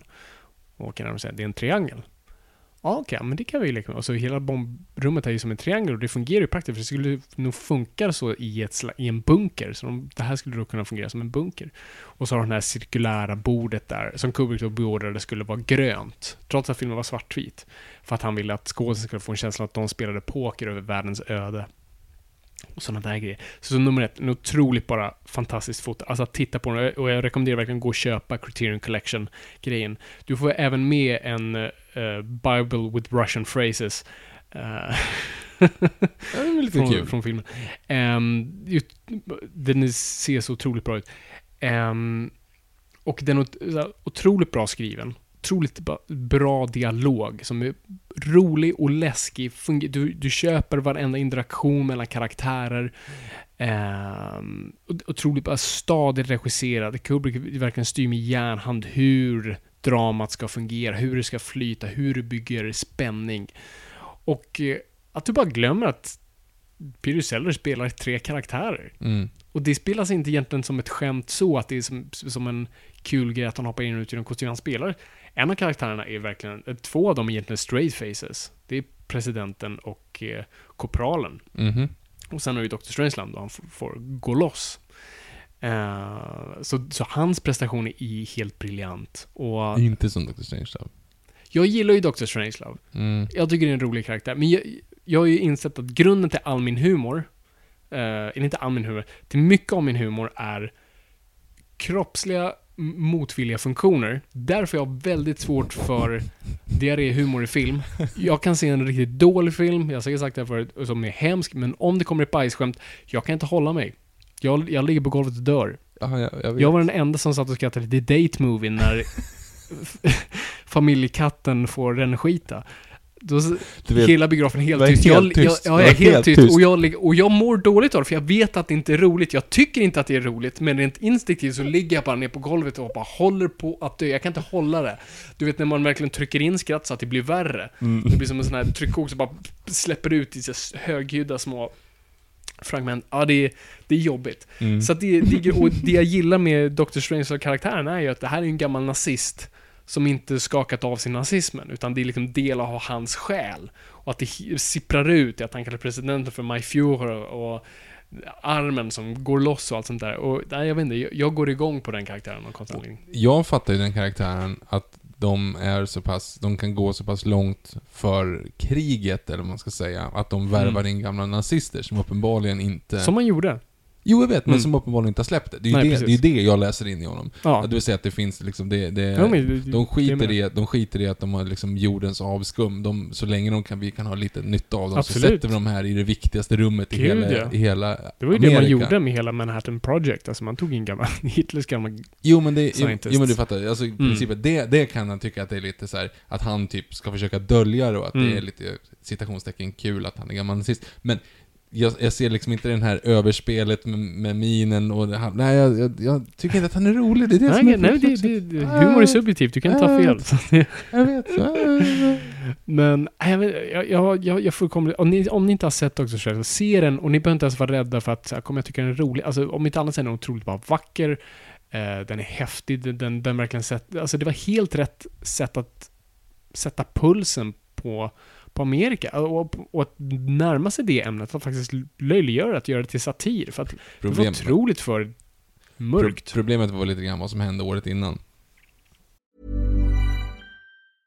When you're ready to pop the question, the last thing you want to do is second guess the ring.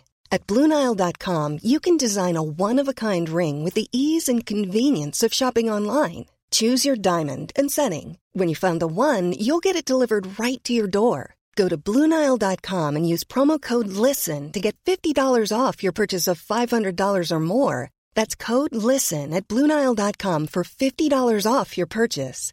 Bluenile.com code LISTEN. Hey, it's Ryan Reynolds, and I'm here with Keith, co star of my upcoming film, If, only in theaters, May 17th. Do you want to tell people the big news? All right, I'll do it. Sign up now and you'll get unlimited for $15 a month in six months of Paramount Plus Essential Plan on us. Mintmobile.com slash switch. Upfront payment of $45 equivalent to $15 per month. Unlimited over 40 gigabytes per month. Face lower speeds. Videos at 480p. Active Mint customers by 531.24 get six months of Paramount Plus Essential Plan. Auto renews after six months. Offer ends May 31st, 2024. Separate Paramount Plus registration required. Terms and conditions apply if rated PG. Planning for your next trip? Elevate your travel style with Quince. Quince has all the jet setting essentials you'll want for your next getaway, like European linen, premium luggage options, buttery soft Italian leather bags, and so much more. And is all priced at 50 to 80% less than similar brands. Plus, Quince only works with factories that use safe and ethical manufacturing practices.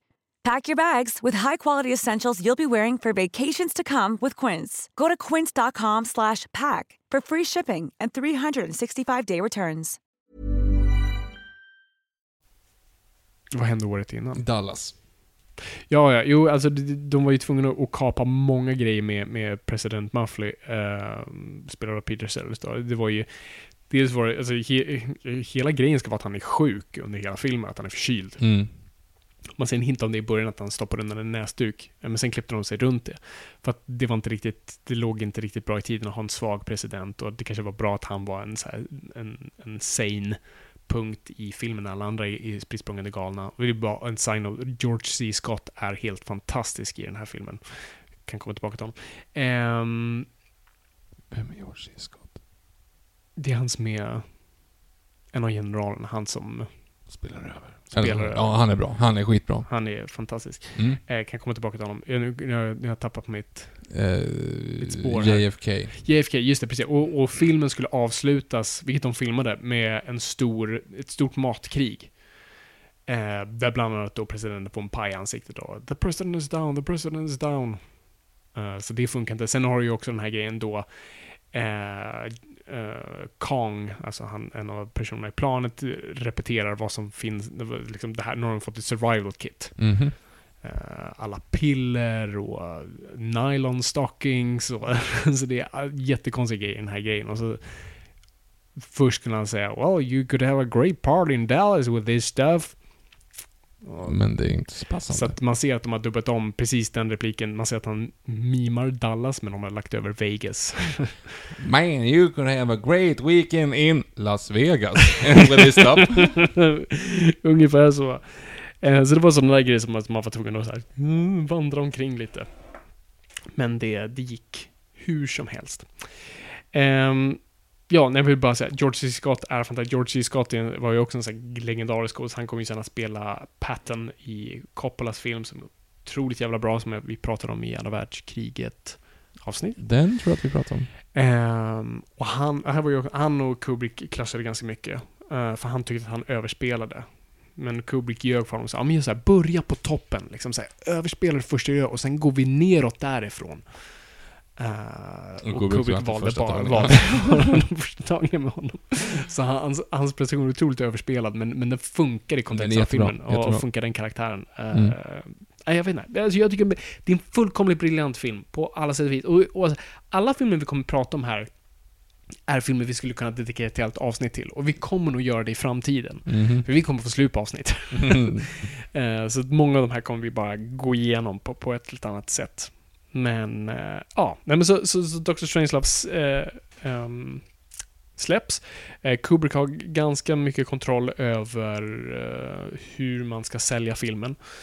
Och förstår det ämnet och hur man ska pricka rätt. Och det blir en, blir en succé. Folk diggar den jättemycket och den verkligen funkar i den tiden. För jag trodde det hade varit för mörkt att göra en seriös bombdrama. Det är inte det folk vill se, utan folk vill ha eskapism, men ändå deala med ämnet. Vi måste få lite, bara kunna släppa loss. Lite som jag när katter skiter på sig på film. Eh, Åh, oh, Jesus. Det är jobbigt att vara jag, Viktor. Ja, det är inte, det är inte lätt. Det är inte lätt. Men sen då? Sen då. ehm, och nu är vi mot slutet av 60-talet och då är det ju någonting annat. I och med kalla kriget så är det något som kommer ur det här i och med raketer. Okej, okej, nästa film. Det, det blev ingenting mer. Serien lades ner efter det här. För när kosmonauten åkte upp, då ville barnen bara leka med rymdleksaker. Toy Story. Två. Två till och med. Eh, Stinky Pete. Ehm, ja, nej men så... Eller Guldgrävan som han heter. Mm. Eller, ja, nej, de Ja, säger, jo, Guldgräven. ja, men- ja, just det, precis. Men jag tror inte de kallar honom för Stinky För det, Pete. nej, för Prospector heter han Ja, ju. just det. ja, Och Just det är ju just typ Guldgräven. Men han heter Stinky Pete egentligen. Ja, just det. Mm, jag kommer inte ihåg vad han heter. Han heter Luktar kanske- Peter, jag vet inte. Google Translate som översatte. Ja. Vilket man ibland känner när man kollar på Netflix. Att de gör. Mm. Men ja, ja. Eh, ja, nej men så, så vad som är i luften med det här, det är ju the space race. Alltså det är ju eh, Sovjet och Amerikas kamp om yttre rymden och för att komma till månen. Så att ofantliga mängder pengar läggs ju på rymdprogrammet. Och man har ju otroligt stor optimism. Samtidigt en, en pessimist i framtiden i och med bomben, men en otrolig optimism i och med fan, vi kanske kan lämna den här världen. Uh, vi, är ju på, vi går ju med stormsteg framåt. Uh, och man börjar skicka upp folk i rymden. Det är ju det, alltså det, förstå den optimismen som låg i luften då. Alltså om vi kan göra det här nu, tänk vad vi kan bara göra om några år. Alltså man tänkte att det här skulle vara en naturlig bara evolution framåt. Och det blev typ 5, 6, 7 år till av Space Race och åka till månen. Sen bara, äh, vi löser det där. Ja, precis. Eh, Så Kubrick blir ju väldigt intresserad av, av, av konceptet rymd och framtid och framförallt aliens blir han väldigt fascinerad av. Uh, och börjar, som han gör, läsa på allt om det. Men uh, han får sen tips om, att du kanske borde snacka med den här killen Arthur C. Clarke. Han har skrivit mycket sci-fi och han är, han är ganska grundad i, i, i, i vetenskap och verklighet och sånt där. Och han, han mixar genrerna rätt bra. Du borde prata med honom. Uh, och Kubrick gör det ganska motvilligt för att han tror att han bara är, är, är en galen professor som bor i ett träd någonstans, men det visar sig inte vara så. Och de två kommer väldigt bra överens och de börjar prata, prata om att ja, men vi kanske ska samarbeta på ett projekt. Eh, och de börjar leta content, men Kubrick är inte riktigt, han hittar inte någon story som han fastnar. Det är en eh, kort story som, som eh, Clark har skrivit som, som heter The Sentinel. Um, som egentligen är typ The Dawn of Man-sekvensen i... jag tror det är Dawn of Man-sekvensen, det kan vara... Ja, precis. Eh, första delen av 2001. Eh, men de inser att vi, vi behöver mer kött på benen. Och det här är så kul med Kubrick. Istället för att skriva ett originalmanus så bestämmer de sig för att skriva en bok de kan basera manuset på.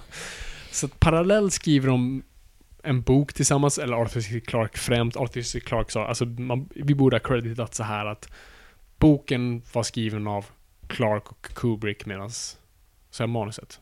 Du sa boken. Jag säger boken. Ja, boken borde vara creditat Clark and Kubrick medan manuset borde vara creditat Kubrick and Clark. Men, eh, men Clark får till slut egen titel på boken. Och det är inget bråk runt det, det bara blir så. Mhm. Så de skriver dem parallellt. Så bo- boken och filmen är inte 100% lika. Ehm, och ofantligt mycket research och, det, och framförallt hur man ska gestalta aliens. eh, är de väldigt så här de vet inte riktigt hur man ska göra det, så de börjar prata med Carl Sagan, som är den här personen som gjorde den första versionen av Kosmos. Kosmos, precis. Också Eh. ett bra skämt till Family Guy när de, när de eh, Carl Sagans Cosmos edited från Red, Rednecks. Ja, just det. God. If you, Jesus. uh, if you look at the bones of a Jesus, Saurus Rex, you can note that uh, Mountain Dew is the best soda ever made. Bra skämt. Fortsätt. Ja, ehm, för att vid det här laget så är, så är Kubrick mycket för att gestalta aliens som på något vis är övre människor på något vis, men Carl Sagan är väldigt mycket för, nej men alltså jag tror, om, om det finns aliens, vilket jag troligtvis gör, och om de har, är kapabla att kontakta oss, då är de liksom bortom mänsklig form. Vi, vi kommer inte ens kunna, för det är ju det vi ofta, alltså vi porträtterar ju aliens med det här stora huvudet och stora ögon och liten mun, för att det är på något sätt någonting vi kan greppa. Det är tillräckligt omänskligt, men mänskligt nog för oss.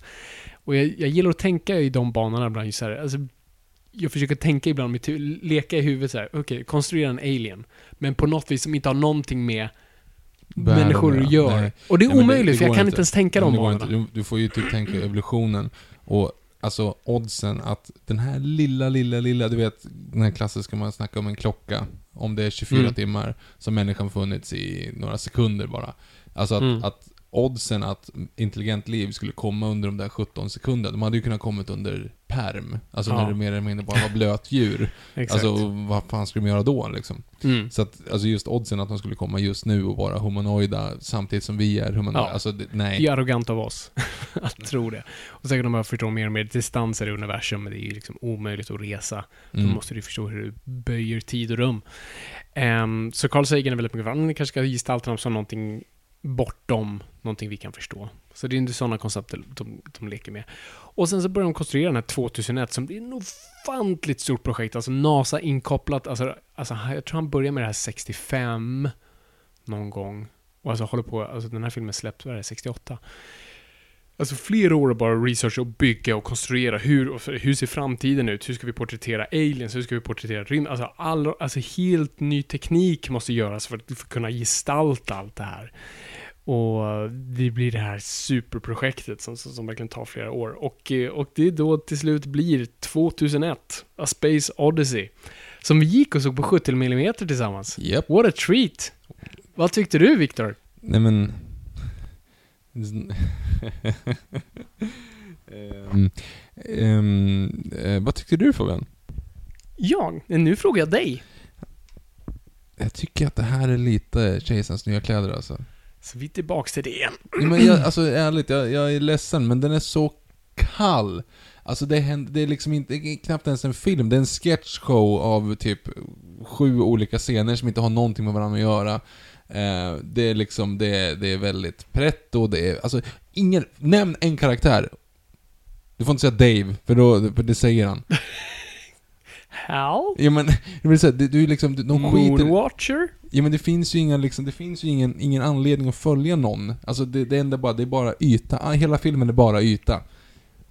Okej. Och allting handlar om typ, sex, det är sex stycken liksom pieces. Det är först Dawn of Man, Mhm. och sen så är det den här, eh, när han kommer till rymdstationen. Yes. Vilket för övrigt jag tycker är den bästa. Okej. Den är typ mest så här, mysteriebyggande, eller vad man Mm. ska säga. Och sen så är det ju den scenen när de typ blir uppringda och pratar om Hal, och sen så är det ju den scenen när han är utlåsta ur luftslussen, eller när han listar ut att Ja. han försöker, ska döda dem. Och sen så är det ju... Eh, Stargate-sekvensen. Stargate-sekvensen. Och sen så är det ju jätteflippat när det är någon någon, ja, LC, LCD, LCHF tänkte jag säga. vad, he, vad heter det? LSD. LSD-tripp med en massa olika färger. Och sen så är det jättelång scen om att han ligger i något rum. Alltså du tycker att Mr Nobody är pretto? Ja. Ja, det här, jag, nej. Den här har i alla fall någonting att säga. Vad säger den då? Den, se, den säger allt, Viktor. Den, den pratar om allt. Det är det som är grejen med den. Den pratar om starten från människans begynnelse till att det föds en ny space baby av människoras som, som, som på något vis är nystarten för människan. Den går ju från 0 till 100, den är allt och inget, den är yin och yang, den är ut och in, den är precis allt. Den är, en, en film är oftast narrativ, den går i ett rakt streck. Det här är en oval, det här är liksom en boll. Du, du, du kan inte greppa den som egentligen en vanlig film. Vilket så det är därför jag håller med om. Det är egentligen inte en film, det är, alltså, det är ett experiment, det är, det, är- det är någonting nytt. Steven Spielberg äh, äh, beskrev det som the big bang av filmmediet. Det är liksom, det, det, alla komponenter har lett hit och det är precis där vi hamnar och sen föds någonting nytt ur likt en Space Baby. Mm, det är ungefär som, alltså slut, sista scenen i Troja då. När Åh, du har haft Gud. två stycken... Nej! Fy! Fy! Okej, nej. Dum Ehm, Viktor, dum ja, Viktor. Förlåt, jag ska... nej, men, alltså, nej men faktiskt, alltså, den, den är väldigt, jag förstår vad du, jag, jag förstår att, att folk ser, projicerar mycket in i det här och att det är Mm. massa coola scener och massa häftiga effekter och allt vad det liksom är. Men i grund och botten känns det bara som att det är någon som kastar saker på skärmen och ser om det fastnar. Jag tycker inte att det, jag tycker inte att det är speciellt intressant. Jag är ledsen, det Ni, blev ni vet så. vad ni ska skicka era, era hatbrev någonstans. För mig är det så här, det här är den bästa filmen som har gjorts. Är det min favorit? Nej. Vänta, va? Nu hänger jag absolut inte med. Jag hade förstått om du sagt tvärtom. Men nu förstår jag absolut inte. Ja men det här, det här är ju, alltså jag kan inte se, jag, i det filmiska mediet, av allt som har gjorts, är det här det bästa. Det är liksom, det, det är top notch, du har utnyttjat mediet till sitt fullo, det här är allt, det här, det här är liksom, det här är Gud. Ehm, Vad är Citizen Kane då? då? Ja men Citizen Kane är en av alltså jag tycker inte att det är den världens bästa film. Jag brukar ofta ta som som ett exempel, det är en av världens bästa filmer, jag älskar Citizen Kane, men det här är på något, det här är det bästa som, det här är Magnus Opus av vad film kan göra. Men det här är min favoritfilm. Det är en av dem, men det är inte den filmen så här. Jag slår inte på 2001 en fredagkväll och käkar lite pizza. det gör jag inte. Men Magnus Opus. Jag, nu tänkte jag på Magnum Bonum, men det är något helt annat. jag vet inte ens vad det är. Det är de som sjunger den här Gallerians gång är min andra hem Snurrar på torren Jag tar min skateboard backen Ner, ner, ner, ner No, backen ner. down with the kids. Mm. Nej men så för, så för mig är det här liksom, det här, är- det här är det bästa man kan göra med det. Kubrick gör precis allting rätt, hur, hur, att, hur man utnyttjar det. Det är, en, det är en film som involverar den rent intellektuellt och du måste lista ut den och den kräver att du är med och, och du följer med på the odyssey så att säga. Det, och på ett rent filmiskt plan så är den, rent effektmässigt, är det saker jag fortfarande inte listat ut. Så på tekniskt plan, där måste du ändå säga, okej jag ser på det här och Ja, det här är, jättefin. ta- det här är tackning. Sen, det här var en dålig 70 mm kopia vi såg, så att den, den, jag gillar inte att, att vi, den såg gammal ut. För att om man kollar på den på en Blu-ray, då de har, alltså, då de ser ut precis som de ska göra, då ser det nästan modernt ut, för den är filmad på högupplöst 70 mm, så att det får det att se bättre ut. Men det här var en liten rutten kopia och ganska skrap igen. Eh, så du måste ju bara, på det planet måste du ändå bara suttit och bara säga, Ja. okej, det gjorde de det, okej, så där kanske man gjorde det. Mm. det Ja men så, tänk- så tänker man med första Star Wars också. Alltså det är ju liksom, ja, men alltså du förstår, det är klart att det är jättefina effekter. Men, men i övrigt, alltså... Ja men den är, jätte, den är jättecool. Men det, är ju, det, gör ju inte en vad, film. Vad, vad satte du den här, vad satte du för betyg på den här på, på uh, Letterboxd? Det, lite, men mer än godkänd. Det är två och en halv. Två och en halv. Ja. Jag, jag hade inte argumenterat med det om du hade sagt, satt en etta.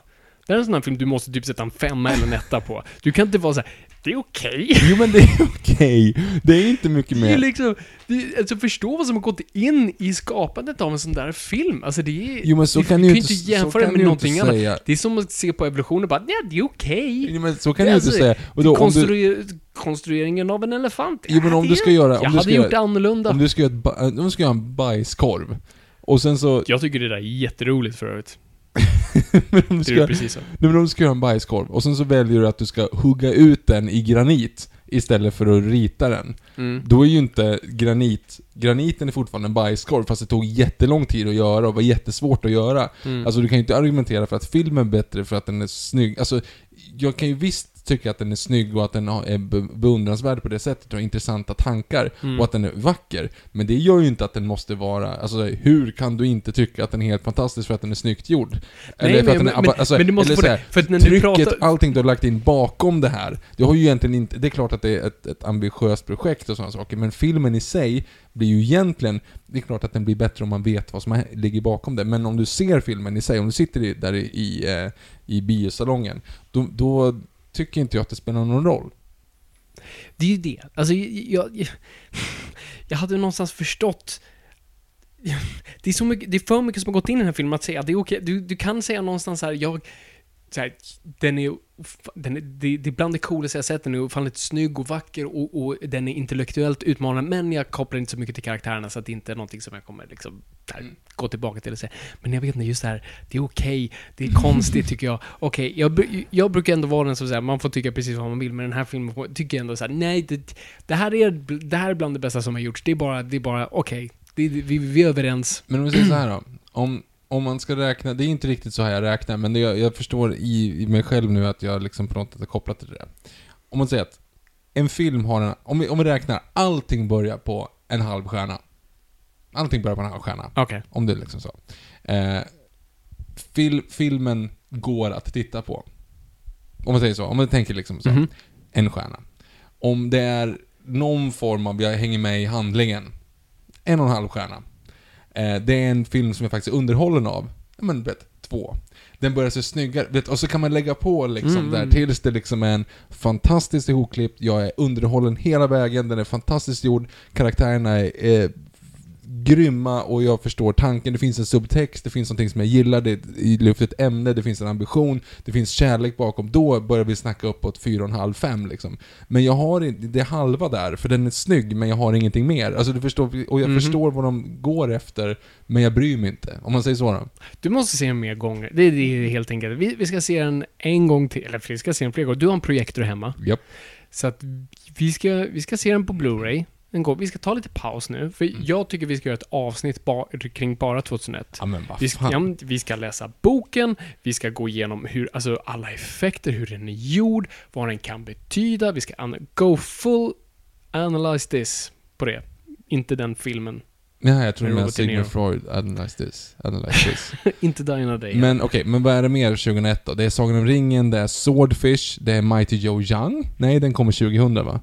Ja, den är nog 99, Ja, 2000. eh, Atlantis, This is Atlantis kommer där. Men vänta nu, det här är filmer som släpps då? Mm. Ja, du menar att vi skulle prata om Ja, bara vi ska prata om filmen, filmen, 20 2001. Aha, yes, okej. I'm Ja, sorry. men då är jag med. Ja. ja, ja.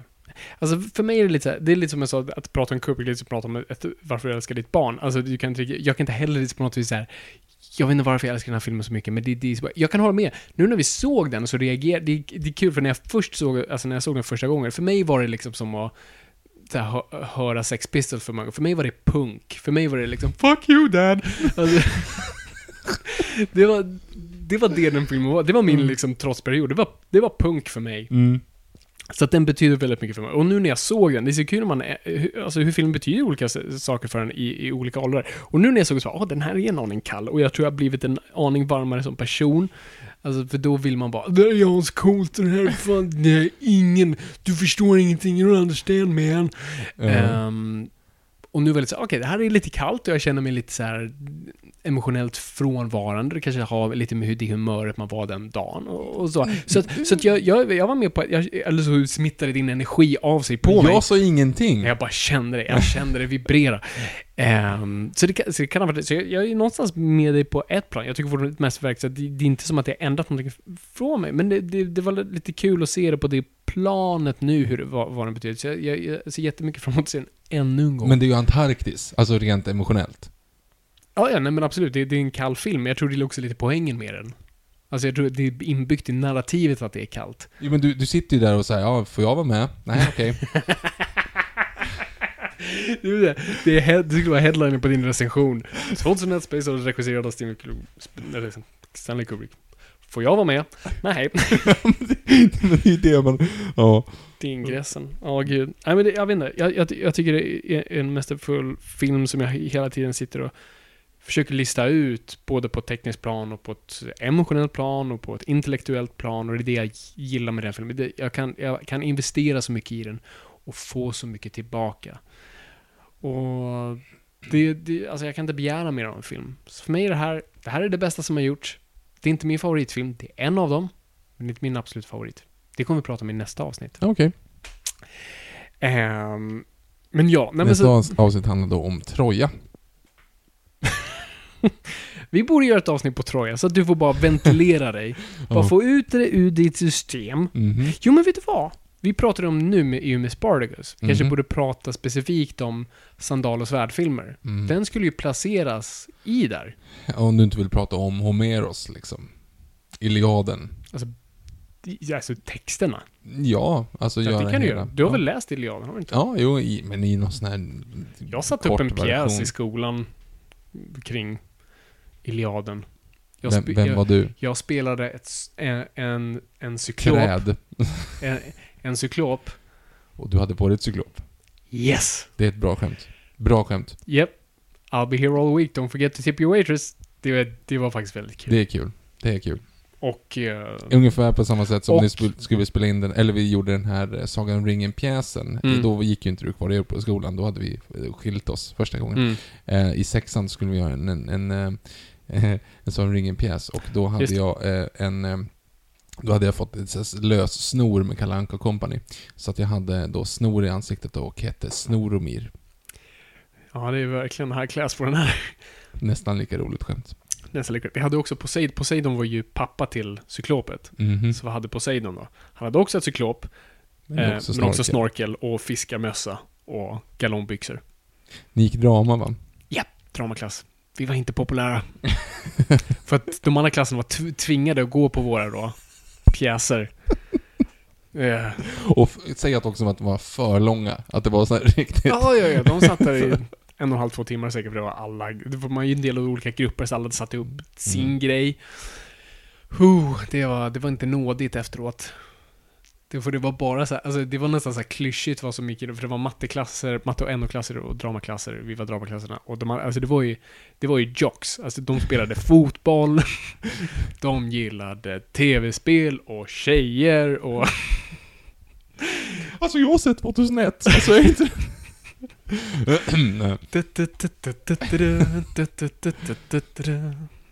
Den, det avsnittet är ju borta. Det är ju det som är person... Är det det avsnittet som Mm. är borta? Mm, Fy Erik the. Great och den efter. Jag är så glad att jag har alla avsnitt av Bert på DVD. Och Mm. kommer hålla i hårt till dem för all evighet. Gjort. De kan de inte ta ifrån mig. Nästa film då? Nästa vecka. 2001.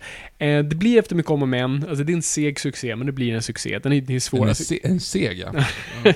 ja, men kritiker, alltså en kritik kallar den för den, den dyraste amatörfilmen som någonsin har gjorts.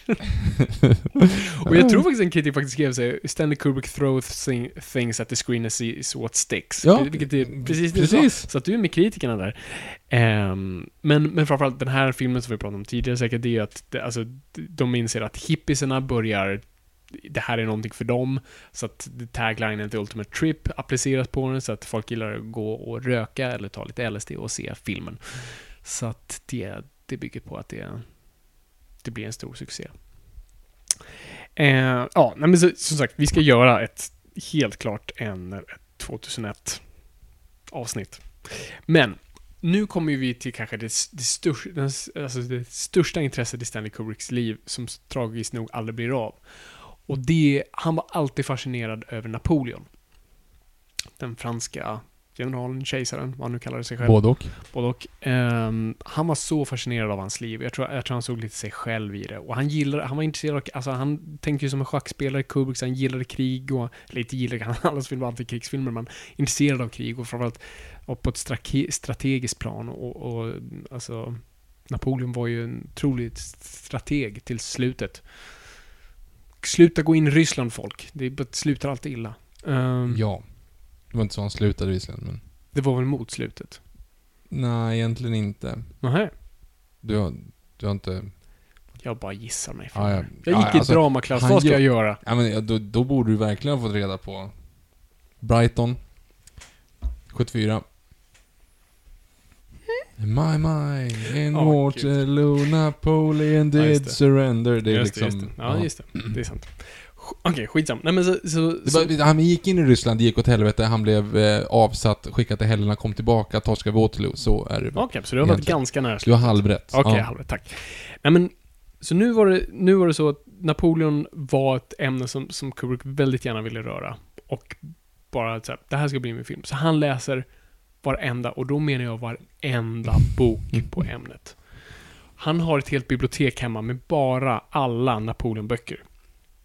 Och han har sina researchers på dag och natt och han ser till att kolla Eh, han har vid det här laget, alltså flera år tillbaka, han, han flyttat till England, en ganska viktig detalj. Han, han bodde i England i större delen av sitt liv. Han kom ju från New York, men han trivdes i England i lite av den här grejen med att vara borta från studierna. De kunde inte lägga sig i så mycket. Och han gillade liksom hur britterna jobbade. Um, men vid det här laget var, alltså Kubrick var mer och mer en, alltså han var flygrädd. Så att det var, det var den här grejen att han, han slutade liksom röra på sig mer och mer. Uh, vilket liksom ledde till den här myten av the recluse. Uh, att han var bara instängd hela tiden. Så det var lite den här grejen med 2001. Alla de här ökenbilderna som är i The Dawn of Man är ju framförallt frontal projection, vilket vi ska prata om, det är så jävla coolt. Ah, Hmm, cool teknik. Mhm. Eh, Det är alltså när man, okej jag måste berätta. Du vet, hela Dawn of Man-sekvensen är ju fotad i en studio. Jo. Men det ser ju inte ut som en studio, det ser ju ut som de, är där. För förr gjorde man ju den här grejen, back projection. Det är det här du ser när folk kör bil. Man Mhm. ser att okej, den här personen passar inte in med sin bakgrund. Men, där, men sen fanns det front projection. Vilket var att du, du alltså projicerade framifrån där kameran stod. Så att du ställde kameran i en sån pass vinkel till en projektor att person, för att när du projicerar på något, den skapar ju såklart en skugga. Men du placerade allting så pass rätt så att den täckte sin egen skugga perfekt. Mhm. Och detta ledde ju till att, för att när du projicerade bakifrån, då fick du inte ljuset matchade. Men här matchade ju bakgrundens ljus med ditt ljus, så att du såg ut att vara mer del av bakgrunden. Det är så coolt. Det är coolt, Viktor. Det är så ballt. Hur som helst, men de här bilderna var tvungna att tas, så ökenbilder. Men Kubrick tänkte inte åka till Afrika. Ehm, så han såg till att ha bilder, liksom stillbilder, som okej, den här vill vi ha. Och så skickade han sitt kamerateam med bilden och ett rutnät. Så han satt live med dem på telefon i England och sa okej, jag vill att toppen av det här berget ska vara på B4. Fy fan. som var tvungen att rikta kameran. Så uh, det här var ju då innan liksom videosamtalet ihop, så att via det här rutnätet så kunde han regissera på distans. Men veta exakt hur bilden skulle se ut. Det är coolt. Ehm, så det här gjorde han samma sak. Han såg till att åka, att skicka sina assistenter till Frankrike och plocka med sig jord eh, en bit jord. Så att han kunde matcha det i England när de skulle filma det där. Liksom. Så hur jorden såg ut där det här slaget var nu med Napoleon. Han såg till att bygga en kalender i form av då liksom ett litet så här kortskåp, det vill säga sån klass man drar ut liksom en liten lucka och så är det en massa kort där som man kan dra upp små, nästan som små visitkort. Okej. Jag vet inte vad det kallas. Eh, och det var som en kalender, så han kunde ta reda på alla dagar i Napoleons liv. Vart han var, hur han mådde, vad han gjorde. Shit. Så det var till sån pass detaljnivå. Och han hade sett till att det här skulle ju troligtvis bli en, han ville ju ha så många statister som möjligt, så han hade gjort kameratester med att okej, men soldater längst bak han har typ papperskostymer på sig, så vi bara liksom ritat i stort sett. Men de är så långt bak så det kommer inte ändå att synas och det såg jättebra ut så att de kunde dra ner budgeten. Det var det här som var så, bra med Kubrick, för Kubrick här då, alltså 2001 och här börjar vi se mer och mer av den här Kubricken som tar oändliga tagningar. Och det är ju det, alltså i filmen är det inte så mycket det är inte så mycket sakerna som kostar, det är tid som kostar. Tid är det mest värdefulla. Så han såg ju alltid till att skala ner på andra saker. Så att här hade du ju då, ja till exempel då, vi, vi kör papperskostymer. Han såg alltid till att ha ett litet team. Det var väldigt svårt då, så att man kunde inte smyga in på en Stanley Kubrick-inspelning. Det var väldigt stängt. Han hade knappt några där. Han såg till att köpa all utrustning. Han ägde nästan alla kameror de använde. Och alla han jobbade med nästan hans personliga assistenter. Så han hyrde ut sitt eget team och kameror till sig själv. Så han också gjorde en profit på det. Okej. Men höll budgeten väldigt låg. Och därför kunde han göra så många tagningar som han gjorde och hålla ut på tiden som han då gjorde. Och samma sak var tänkt här med Napoleon. Så att han gjorde alla de här oändliga bara testerna och, och, och, och eh, genomgångar och bygga manuset. Eh, Jack Nicholson skulle ha spelat Napoleon var tanken. Mhm. Ja, intressant. Eh, och sen kommer en film 1974 tror jag. Det låter Som sent. Okej. Eh, Barry Lyndon är 75 och vi har inte kommit förbi klockan Okej, okej, än. nej, men då är det 72 Mm. då, sä- säger jag. Eh, eller ja, skitsamma när den kommer. Waterloo kommer. Ja, I don't. Som tokfloppar. eh, och Kubrick inser, okej, men då, alltså studion säger bara, "Nja, jag är inte så pigga på att göra en till Napoleon-rulle ganska tajt, tätt in på, en flopp. Eh, och Kubrick inser det också, att okej, det här är, det här kanske är dumt och korkat. Så att han överger det med, till, till sin stora sorg. Och det här är en film han ständigt återkommer till.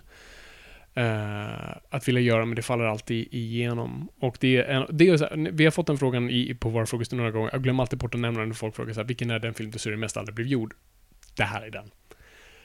Stanley Kubricks Napoleon och sån här, det hade varit så satans coolt. Det hade ju varit hans, hans mästerverk. Bland mästerverk.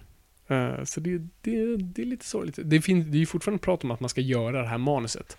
Jag vet att Mark Forrester har varit taggad till att göra det och sen tror jag HBO ska göra det med någon, ja det, det har varit väldigt fram och tillbaka att göra det här manuset. Men det kommer ju aldrig, alltså, Stanley Kubrick handlar ju aldrig om manusen så mycket. Alltså det är därför jag säger att han är min favoritregissör. Alltså det finns ju bättre manusfattare än Stanley Kubrick, helt klart. Trots att Stanley Kubrick nästan var alltid med manusfattare på, på, på sina filmer. Men det är inte, du ser ju inte hans filmer för egentligen hans manus, står i dialogen, alltså du ser det för själva allt. alltet, precis. Alltså du ser hans regi främst. Så att, att se Stanley Kubricks Napoleon regisserad av någon annan kommer aldrig vara... Vilket vi kommer se 2001? 2002? Mm? Va? 2003? När kommer AI? Det är ju sedan 2001, tror Ja jag. men så är det. Mm. Mm. Vi kommer till den. Ja, Eh, då kommer vi se precis det du säger. Skitsamma. Ja, Ja, fortsätt. Ehm, ja, nej men så, så att han, han överger, Överge det helt enkelt. Och eh, nästa projekt, projekt då, det blir ju att läsa böcker som han alltid gjorde. Han liksom bara läste allt och se, se, se, se om något fastnade. Och han fastnade för A Clockwork Orange. Eh, eh, den här kända boken om ultraviolence och mjölk och allt annat. Så han kände det här är ett ämne jag vill tackla. Och det ligger lite i luften då. Alltså ungdomsvåld och ny ungdomskultur växer fram och sånt där. Och eh, hur staten handskas med det.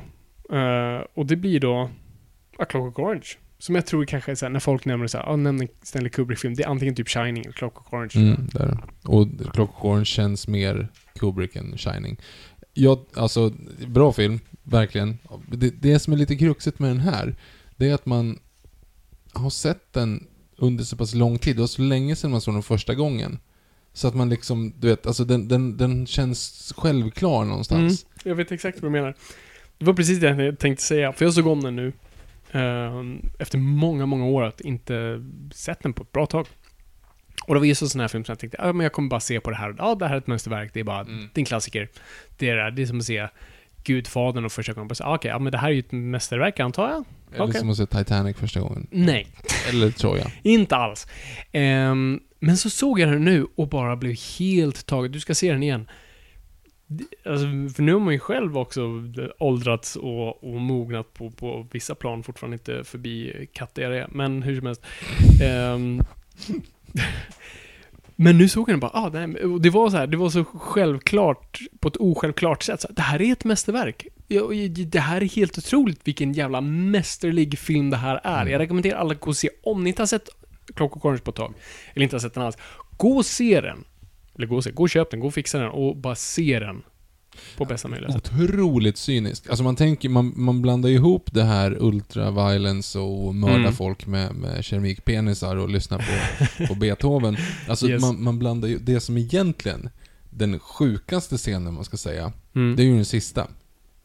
Alltså skaka hand med blommor-scenen. Ja, det är ju den som egentligen sätter definitionen av hela filmen. Yes, absolut. Och, och du, ja, vad ska man säga, det, det är ju liksom uppladdningen, glorifieringen av våldet i sig. Mm. Det, det var ju, folk missuppfattade ju det nog inåt klart. helvete när de väl det såg den. jag nu när jag såg den också. Bara, det här glorifierar inte våld. Den här vill Nej, tvärt- visa precis våld. tvärtom, ja. Den här vill porträttera våld. Och inte på ett Hollywood-sätt, utan så här ser våld ut. Och ibland till och med att man drar över ett till snäpp, ultraviolence, till det lite mer absurda. Men det var för- för att visa våld och hur illa våld är. Och det, det är det som är så sjukt. Att, alltså för det är det här problemet med film. Film får, blir alltid eh, anklagad för att försköna saker. Det är för att det ofta ser fint ut. Det är, det är ofta, särskilt när Kubrick gör någonting, det ser vackert ut att titta på. Och därför, om någonstans så ska man försköna det. Kubrick gör inte det alls. Allt våld är hemskt. Vår karaktär, huvudkaraktär är osympatisk och modisk och läskig. Och våldet är bara... Du blir liksom... Du vill ta avstånd och du blir, alltså, du blir illamående av det, precis som Alexen själv blir. Det, jag tycker det är så otroligt konstigt att man, man förskönar det. Jag tror det var mest för att brottslingar, vissa brottslingar härmade vissa grejer. Det var det som var kontroversiellt, att de klädde ut sig som de och gjorde så. Och det är inte, men det de missar, det är som alltid när det kommer, när, när filmer blir blivit anklagade för eller tv-spel har anklagade för det, det är ju inte de som gör det, utan det är som man bara, vad heter det, kanaliserar. Alltså man, Projicerar inte projicerar, men man, man filtrerar det via någonting. Mhm, Jag, mm. okej, jag hade tänkt mörda den här tanten. Vi drar det väldigt simpelt nu. Jag hade tänkt mörda den här Ja, bra, tanten. för nu, var jag, nu blev jag rädd. Okej. Jag, jag fattade telefonen och var så här, 1-1. Jaha, okej, jag behöver inte slå tvåan. Ja. Nej, vi pratar teo teoretiskt där. Okej, ja, jag då tänkte så. mörda den här tanten. Men jag såg Clockwork Orange, så nu vill jag göra det i en rolig hatt och vita hängslen. Och susp. Yes. Och då, är det är inte som att det liksom gjorde någonting, utan brottet hade troligtvis fortfarande skett. Men, men det är också det här som filmen tar upp också. Vad är, val, vad är valen vi gör och hur blir vi påverkade av? Det är det jag blir så tagen av nu just när hur mycket den här filmen handlar om fri vilja. Och det är därför jag tycker den här filmen är ganska optimistisk. Den har ett mörkt slut, men det är optimistiskt vad slutet säger utan att avslöja mycket. Det är att säga att människans inre natur är vår egen Mm. och inte någon annans och ingen annan kan klampa in och försöka förändra det, utan vi är de vi är. Till det värre och det, det bättre. Det är både och, det går åt två håll. Det, det han gjorde tror jag som, som blev fel, eller vad man ska säga, det var ju att han hade lite sköna dialekter och, de, och dricker mjölk. Alltså Ja, det blir ju en- det, alltså, det en det blir ju- glorifiering av, av, av att de har det jävligt soft. Det är Exakt. typ det som är grejen. Och det är det som tror jag blir lite såhär, ah, Det blev ikoniskt. åt det. Ja men precis, Mm. att folk tittar åt det så här, det vore ändå ganska fräscht att gå omkring och vara sminkad som, heter han, Henrik Bergen. Och eh, eh, lyssna på pop och, och Ja. ha polare. Ja, men jag vet inte hur många nollningar det jag har sett och de måste klä ut sig som Clockwork Orange eller Halloween-partyn där folk har gjort. Alltså det, Mm. de har, det, bygger, det följer med viss ikonskap. Och, och alltså, det tror inte jag Kubrick på ett Det var inte som att han räknade med det på så vis. Eh, det blev bara en restprodukt av det hela. Men... Uh, jag tycker så, alltså nummer ett, än en gång, otroligt vacker film, praktisk ljussättning som är otroligt snygg. Alltså här, här, här kanske ser vi Kubrick i sin, den, den formen vi känner igen honom som mest. Här ser vi alla liksom, de här skarpa inzoomningarna och utzoomningarna och som sagt praktisk ljussättning, breda stora bilder, ibland väldigt intima små bilder och konstiga perspektiv och byten av, av olika gluggar i olika scener. Det, vi, vi ser allting här kom, komma ihop. Så det här är ganska the essential Kubrick-film. Men satan vad bra det är. Eh, och den håller som satan än idag. Och jag tycker den, hur den just porträtterar, alltså det, det, den, den ligger så mycket i den tiden tror jag. För det, det är ett ganska bra svar på 2001. Den här optimismen av, vi ska ut i rymden. Tänk vad vi kan hitta där. Och hela inledningsscenen börjar ju med att de missar den här gamla mannen. Och han beklagar över världen. Men on the moon, men spinning around the earth. Och världen är som övergiven. Mm. Kommer du ihåg? Man ser aldrig civila på gatorna. Mm. Det är bara stökigt överallt. De kan gå dag som natt helt fria. Det vill säga, folk är ju bara byggnader och, och, och sånt där. Ja, det, det är ju Wall-E-världen liksom. Ja, men i stort sett. Och, men trots att det finns liksom ett system kvar. Och det är systemet framförallt Kubrick eh, kritiserar. Alltså, jag tror säkert du kommer ihåg hur mycket vikt de lägger i att arkivera, att Mhm. skriva in och det är en jättelång process när han ska in i Ja, fängelset. första. Ja, precis. Och de ska arkivera allting och de ska undersöka honom och de ska fråga alla de här grejerna. Alltså det är ju otrolig skeptism än en gång mot makten, mot auktoritet, mot systemet, hur, och hur staten hela tiden, om, om staten fick drömma loss så skulle vi vara datorer. Han får ju ett nummer och det här numret ska ju programmeras om sen och det är ju Mm. det är så vi ska fixa det. Och det är frågor om både gott och ont, men också just vad är valet för någonting? För vi har presskaraktären som pratar väldigt mycket om det, det fria valet. Ehm, och vad är det liksom, är det, är det valen vi gör som gör oss onda eller goda, eller är det vårt inre? För att i stort sett, Alex i de senare delarna av filmen är inte ond för att han gör ingen illa. Men han är inte god Nej, för det. Så det är de där, det är jättemånga roliga grejer som den här filmen leker med på ett otroligt smidigt och bra sätt och filtrerar det via en story och en plot. Så det här, det här är egentligen ganska mest streamlinade av, av Kubricks filmer med faktiskt en rak story.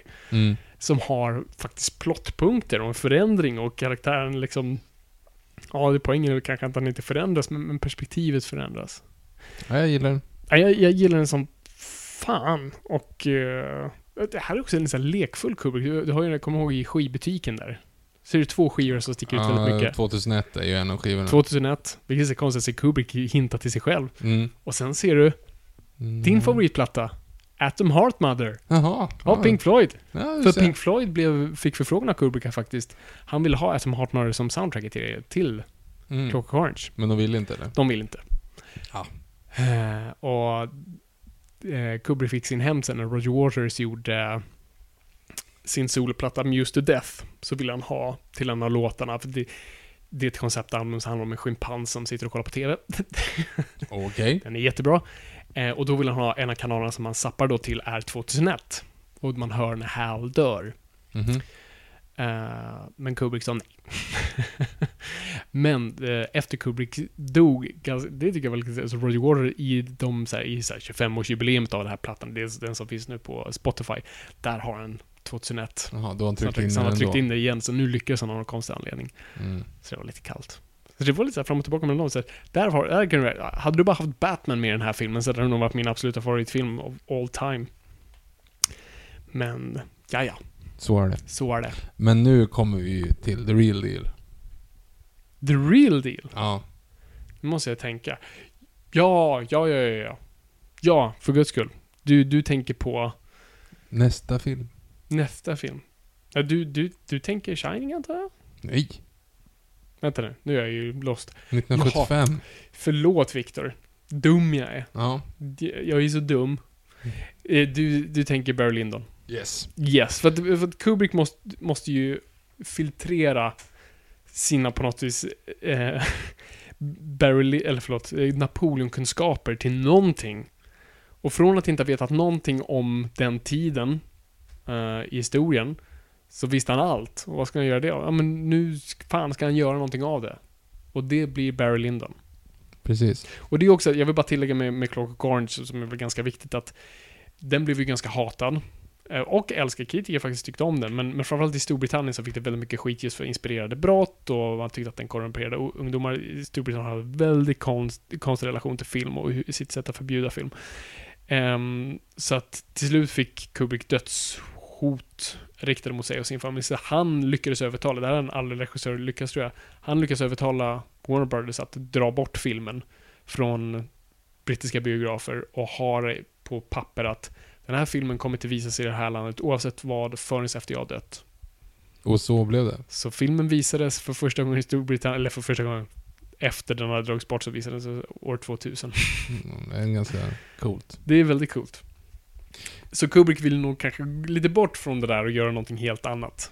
Och det gjorde han ju. Det gjorde han. Det Från framtid till dåtid. Från eh, avskalat till extravagant. Från eh, en eh, stark, eh, vad ska man säga, drivande karaktär som du är inne i huvudet på. Till någon som inte är det. Nu, nu, nu, nu, nu. Nu kommer vi här. Fabian, vad är Mm. din relation till Berglund då? Det var ju en av de här tråkiga Kubrick-filmerna man, den man tyckte minst om och var så här, ja det- ja, just det, det är den. Jag förstår inte den filmen. Den, den är tråkig. Och sen så för några år sedan så bara, okej jag kanske ska poppa in den här och sen bara, oh my god, vad, och, vad är det här? Jag, jag, jag, jag, hur kunde jag inte ens se det här innan? Och nu är det typ en av favoriterna. Det här är ju en av mina favoritfilmer all time. Yes. Eh, och det här är ju min favorit Kubrick Ja. då också. Eh, alltså, satan i gatan vad snygg den är och nu när man såg om den idag så ser man också så här. alltså det är så mycket saker, varenda gång du ser den så ser du nya saker. Mm. Alltså jag såg den kanske för ett Ja. och ett halvt år sedan, då gick den på TV, så då vet, så här, vet man halvkollade lite reklampauser och Mm. sådana saker. Man har sett den tidigare också självklart. Men alltså, jävlar i helvete vilket hantverk. Mm. Alltså jag, jag, är, jag är helt frälst. Och sen framförallt nu, nu, nu kan vi börja snacka liksom så här. de har ju tema i alltihop. Mhm. Du vet, det är så här, och hitta det här med, med liksom grund och botten. Det är ju egentligen, du följer en person. Du följer en person i, i vad den skulle säga, vad Ebba Grön skulle citera till ett uppgång och fall. Yes. Och det är så praktexemplet. Alltså, det är ju intermission i mitten på filmen. Mm. Och det är ju liksom, första delen heter ju hur Barry Lyndon liksom gick till, till, till makten, eller man ska Ja, säga precis. i- fick en uppgång och sen så står det så här, intermission, nu i akt två ska du få veta hur det går åt helvete. och det är verkligen så, för det, det är ju samma film. Mm. Det är ju som två, två filmer fast spegelvända. Mm. För kommer du ihåg, alltså du kommer ihåg hur den börjar? Ja, du börjar med en duell. Mm, och hur slutar den? Med en duell. Ja, och precis innan där så har du ju fight, alltså okej, du vet, jag har, så, jag har jättemycket grejer att säga om den, Mhm. om vi kan lägga Go på, på, på en sån nivå. Men den är ju spegelvänd. Mm. Jag har inte tänkt på det tidigare. Men nu när man börjar, börjar gå in på det så är det liksom så här. duellen i början, Yes. allting handlar ju om att han har saknat farsa. Mhm. Det, det är det första som händer, absolut första Daddy bilden. issues. Den första filmen, eller första scenen är bara så här. Mm. Eh, Lyndons pappa hade varit lovande om han inte hade blivit död, dödad i en duell. Och så bara boom! Och så bara uh, så, så han död. Och sen så är det ju då den här unga mannen som växer upp. Mm. Och det första som händer är att han då, han är ju i en liten skithåla någonstans uppe i, på Irland. Och har sin kusin som är Ja, det verkar, hon presenterar sig inte så mycket annat än att hon är välsvärvad liksom. Och, och att han är väldigt intresserad av henne, men Mm. liksom lite feg. Han vågar inte, hon gömmer liksom en liten trasa mellan, mellan sina eh, svalor som häckar och han ska då plocka upp den där.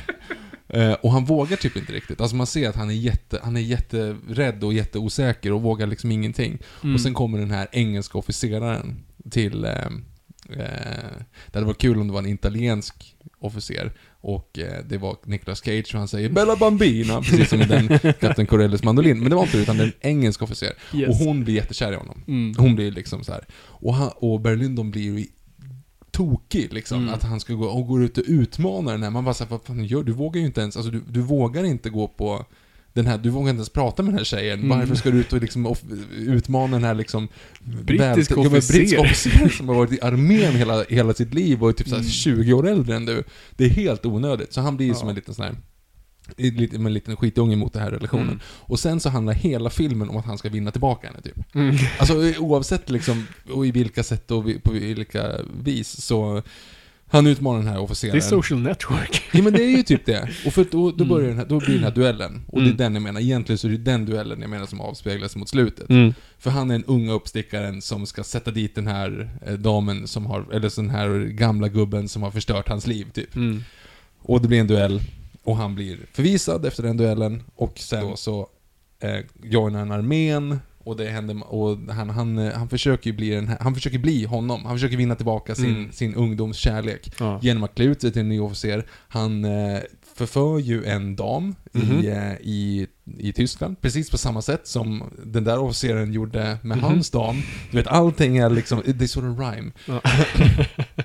Och sen handlar bara allting hur han bara på bananskal glider sig uppåt. Mm. Men han har ju ingen plan. Nej, absolut inte. Det är ju det, han vet ju inte riktigt vad han vill. Han är ju bara en, liksom en så här, och det han framförallt söker sig till, det är ju fadersfigurer. Mm. Hela filmen är bara fadersfigurer. Eller första halvan Gud, är bara Och han kan sälja liksom allt för att få komma nära en faders gestalt. Jo, och, hela tiden, och sen så, det är framförallt eh, projicerat då när han eh, för han avverkar ju två fadersfigurer Mm. på vägen upp så att säga. Eh, tills han då eh, träffar den här vitsminkade snubben. Mm. Och inser att ah, han är irländare, då bara vänder direkt. Mm. Han, från, från att man har byggt upp i typ en halvtimme om Ja. att han ska bli den här preussiska generalens liksom, Han har jobbat sig upp från botten Jo, i, i den Han- armén han till har att bli superspion och jobba för kungen. Ja, och sen Och så bara, bara, träffar oh! han en, en Irish! Mitt! Nej, men alltså, då, blir, då bara vänder han direkt och så bara kappar han efter vinden. Mm. Principen. Och det är så snyggt och allting är så fint fotat. Men det som är kul då, det är att han har jobbat sig uppåt, uppåt, uppåt, uppåt, uppåt och han är den här unga uppstickaren som ser upp, ser upp mot, eller ser ner på makten, så sitter de här gubbarna sitter uppe. Och sen i andra delen av filmen så är bara allting vänt upp och ner och han är sam, Han är den, de Mm. gubbarna där uppe och slåss mot de här unga. Och det, det som är så coolt, det är att, du vet, kommer du ihåg scenen, hans första scen i militären? Mhm. Du ser när han är den här unga, lite tuffa snubben och så säger de ju liksom sitter någon fet, eh, skäggig snubbe där borta och, han säger, och så sitter någon snubbe och sufflerar vad han ska säga Mm, för att här, skämt om hans fru. Ja precis, skämt om hans fru, skämt om att hans fru slår honom, skämt om Mm. att så här, och så gör han det och så ska de slåss. Mm. Och då är det ju så här, man ser, man ser ju på den här liksom, ja den här feta snubben, fan vad töntigt att han blir provocerad. Mm. Men, men, men, ja men nu, kom in och så slåss vi här i ringen. Och sen är det precis samma sak som hände med Barry Lyndon med hans eh, frus Mm. eh, son sen in i den här salen, att han liksom flippar. Ja. Och det är det som är turning pointen, då är det point of no return, att det går åt helvete liksom, hans polare över igenom och så slutar det i samma duell. Mm. Och allting handlar om att han vill, bli, att han vill ha en fadersfigur, Mhm. eller och sen att han ska bli en fadersfigur, vilket han inte blir. Nej. Och där är ju lite kul för att han, han är ju en värdelös farsa också egentligen. Ja, ja, gud ja. Den värsta, egentligen. Han älskar sin då riktiga son. Ja, men, eh, hatar sin styvson. jo, och där har du eh, också... Men ger dock, så här, skämmer bort Jo, riktiga och, det roliga är att han försöker ju genom hela den per- periferin där han försöker gå igenom med sin son också, vill han ju bara vara den där jävla engelska officeraren ute på Mm. fältet igen. För han berättar ju bara, han ljuger ju. Ja, ja. Han har hittar ju bara på så här stories om sig själv och hur, hur duktig han var på att kriga och Mm. du vet sådana saker. Så att allting är bara ljug. Och sen så försöker han smöra för honom för att liksom få hans affection. Men det sista som händer är att han är faderlig. Mm. När han drar skottet i backen. Mm. Och så här, okej, jag är the bigger man. Mm. Vi skiter i det här. Let's Nu- go home. Let's go home. Let's call the whole thing off. Så skjuter han i backen. Och det är det som får honom att vända. Och det bara, fuck, Mm. nu är det godnatt. Ja, jag kan inte tillägga något mer. Alltså, du har verkligen sagt. Det är också en jättebra film som handlar om slumpen. Eh, Precis. som, som gestaltas väldigt bra i just de här duellerna. Att det, är liksom egentligen, det är som att singla slant egentligen. Jordens Och- sämsta duell Ja. princip alltså. Och hur den här personen av, av bara ren ofta slump hamnar på de här platserna utan att förtjäna sin plats och därför inte faktiskt förtjänar dem. Och därav bara förstör för sig själv och alla andra runt omkring honom. För att han är inte den här officeren som troligtvis, för den här officeren citerar ju poesi i början. Han är ju troligtvis en lärd man, en kunnig man. Han har, han har utbildat sig själv. Barry Lyndon har inget, inget intresse av det. Han appliceras på roller han bara antingen får eller snubblar på. eller liksom tar. Ja. Eh, och sen hamnar vi där, men det, det, det straffar sig till slut. Du kan inte bara åka på en räkmacka överallt. Nej, och framförallt när han inte har någon som leder honom. För det är ju, epilogen är ju också så här, och han försökte gå tillbaka till att svindla, Mm. eller spela. Men det gick inte så bra. Alltså, så han, ingen, han kunde ju inte det här själv, han Nej. var ju bara med liksom. Han hängde med den andra som Ja, var bättre på än honom. Nej, Ja. det, är en jättebra sak. Sen är det, det måste vi ju ta upp, och det som du bara snabbt nämnde, det är ju hur den ser ut. För ni som inte vet, det här är ju legendariskt, så att Kubrick-fans eller filmfans där ute, ni vet ju om det. Men ni som inte vet om det, den här filmen ser ju helt sjuk ut. Och jag tror det är svårt att fatta på, på, på liksom, när man först bara ser den. Men ni ska verkligen tänka på hur den är sedd och se det ofta helst på bästa möjliga sätt. Den finns på Criterion Collection. Ehm, den var alltså då Kubrick var, var, blev väldigt fascinerad av att så här, framför, han var ju, han gjorde, vad jag sagt tidigare, alltså praktisk ljussättning. Då använder de saker som oftast finns i rum och använder det. Uh, och vad använde man sig av på 1700-talet då i stort sett i människans historia? Ljus, eld, stearinljus när det väl sen kom. Sen tänkte jag, men jag vill ljussätta den här filmen med stearinljus. Och för er som kanske inte vet så mycket om kameror, tänker jag, det kan man väl göra? Va? Nej. No, no, no, no, no, no. Du måste ljussätta utav bara helvete för att få en film att alltså, kunna se. Alltså kameror är komplexa, alltså, det är flera grejer som ljuset ska in för att nå filmen som är känslig och måste exponera så mycket ljus. Ehm, det, det är pissvårt och särskilt i, i tekniken då. Så att nej, det går inte att göra det. Alltså när du ljussatt en, en film på den tiden, och framförallt på svartfilm, du hade ju liksom först typ en, en superlampa på dig. Men för att inte skapa skuggor så måste en lampa åt sidan. Så att det tar bort skuggorna. Sen måste en lampa bakifrån så att du inte bara sticker ut från bakgrunden. Alltså du vet, du har flera lampor. Eh, men Kubrick gillade ju inte det, för det var inte äkta. Eh, så att han tänkte, men det, jag vill nog fota, liksom, vill filma med bara stearinljus i de scenerna där det är det. Och det var ju eh, någonting som alla sa var omöjligt. Men han på något vis kom på att nej men det här går. Så han lyckades hitta några kameror som, alltså där slutaren var väldigt öppen av någon anledning. Eh, och det var en väldigt ovanlig kamera som väldigt få hade. Så han ringde Warner Bros. Hej, har ni en sån här kamera? Och de sa, ja vi har två av dem. Okej, men jag köper dem. Vad tar dem? De bara ligger och, och dammar. Grymt. Han tog dem. Eh, gick till någon galen eh, ingenjör och sa, hej, jag har de här, linsen, eller, de här linserna från NASA. Som NASA hade konstruerat för att kunna fota typ stjärnor. Ehm, och så kan du applicera dem på de här gamla kamerorna från typ 40-talet? Och han sa, nej. Eller jag kan, men då måste jag bryta upp hela kameran och verkligen typ sätta ihop den på nytt. Han sa, gör det. Och sen får Bros ett samtal med en kameraexpert. Bara, "Hörni, jag, jag såg någonstans att ni har typ gett bort kameror till Stanley Kubrick, stämmer det? Ja, jo, de bara låg här. Alltså det där, de kamerorna går inte att replikera längre. Alltså det där är bland det bästa som har gjort ingenjörsmässigt med kameror. Du kan inte för, alltså, på ditt liv bygga om det där. Whoopsie. Men Kubrick bara plockade isär den här skiten. Och till slut hade de här superkamerorna. Som de kunde lämna slutaren väldigt öppen, exponera filmen på ett sätt som var väldigt känsliga. Problemet med dem var att alltså skärpdjupet var väldigt, väldigt svårt. För att du kunde ställa in då skärpan, men då fick ingen röra på sig. För rörde du en millimeter ur fokus, alltså då var du ur fokus. Så att du ser i de bilderna att alla sitter väldigt stilla. Så de hade, och man hade ju inte också en viewfinder på samma sätt som vi har idag. Du kunde se vad kameran typ, alltså vad, hur vinkeln är, men du kunde ju inte se hur, om saker var skärpta eller inte. Så att de hade en videokamera på sidan, men också sånt där rutnät. För att så de fick ställa in den och sa, okej, var är det skärpa någonstans? Okej, då gör vi det där. Och på så vis kunde de då få skärpa på något konstigt jävla sätt och filma då som ni då ser i de filmerna, det är ljusat av stearinljus. De konstruerade special stearinljus som lyste väldigt, väldigt, väldigt eh, ljust och väldigt starkt. Men det är bara det, och det ser helt sjukt ut. Ja, det är jättefint. Och allting ser ut som tavlor. Allting ser Ja, ut som och för de- 1700-talsmålningar. Precis, för de använde en Lins då när det kom till utomhusscener eller scener som kunde vara ljusat av bara vanligt naturligt solljus. Eh, och det gör saker väldigt platt. Det är det, det zoomlinser gör. Så att eh, det är det som ger den här, som du säger, tavelgrejen. Och han inspireras av att vissa bilder var direkt tagna från 1700-talstavlor.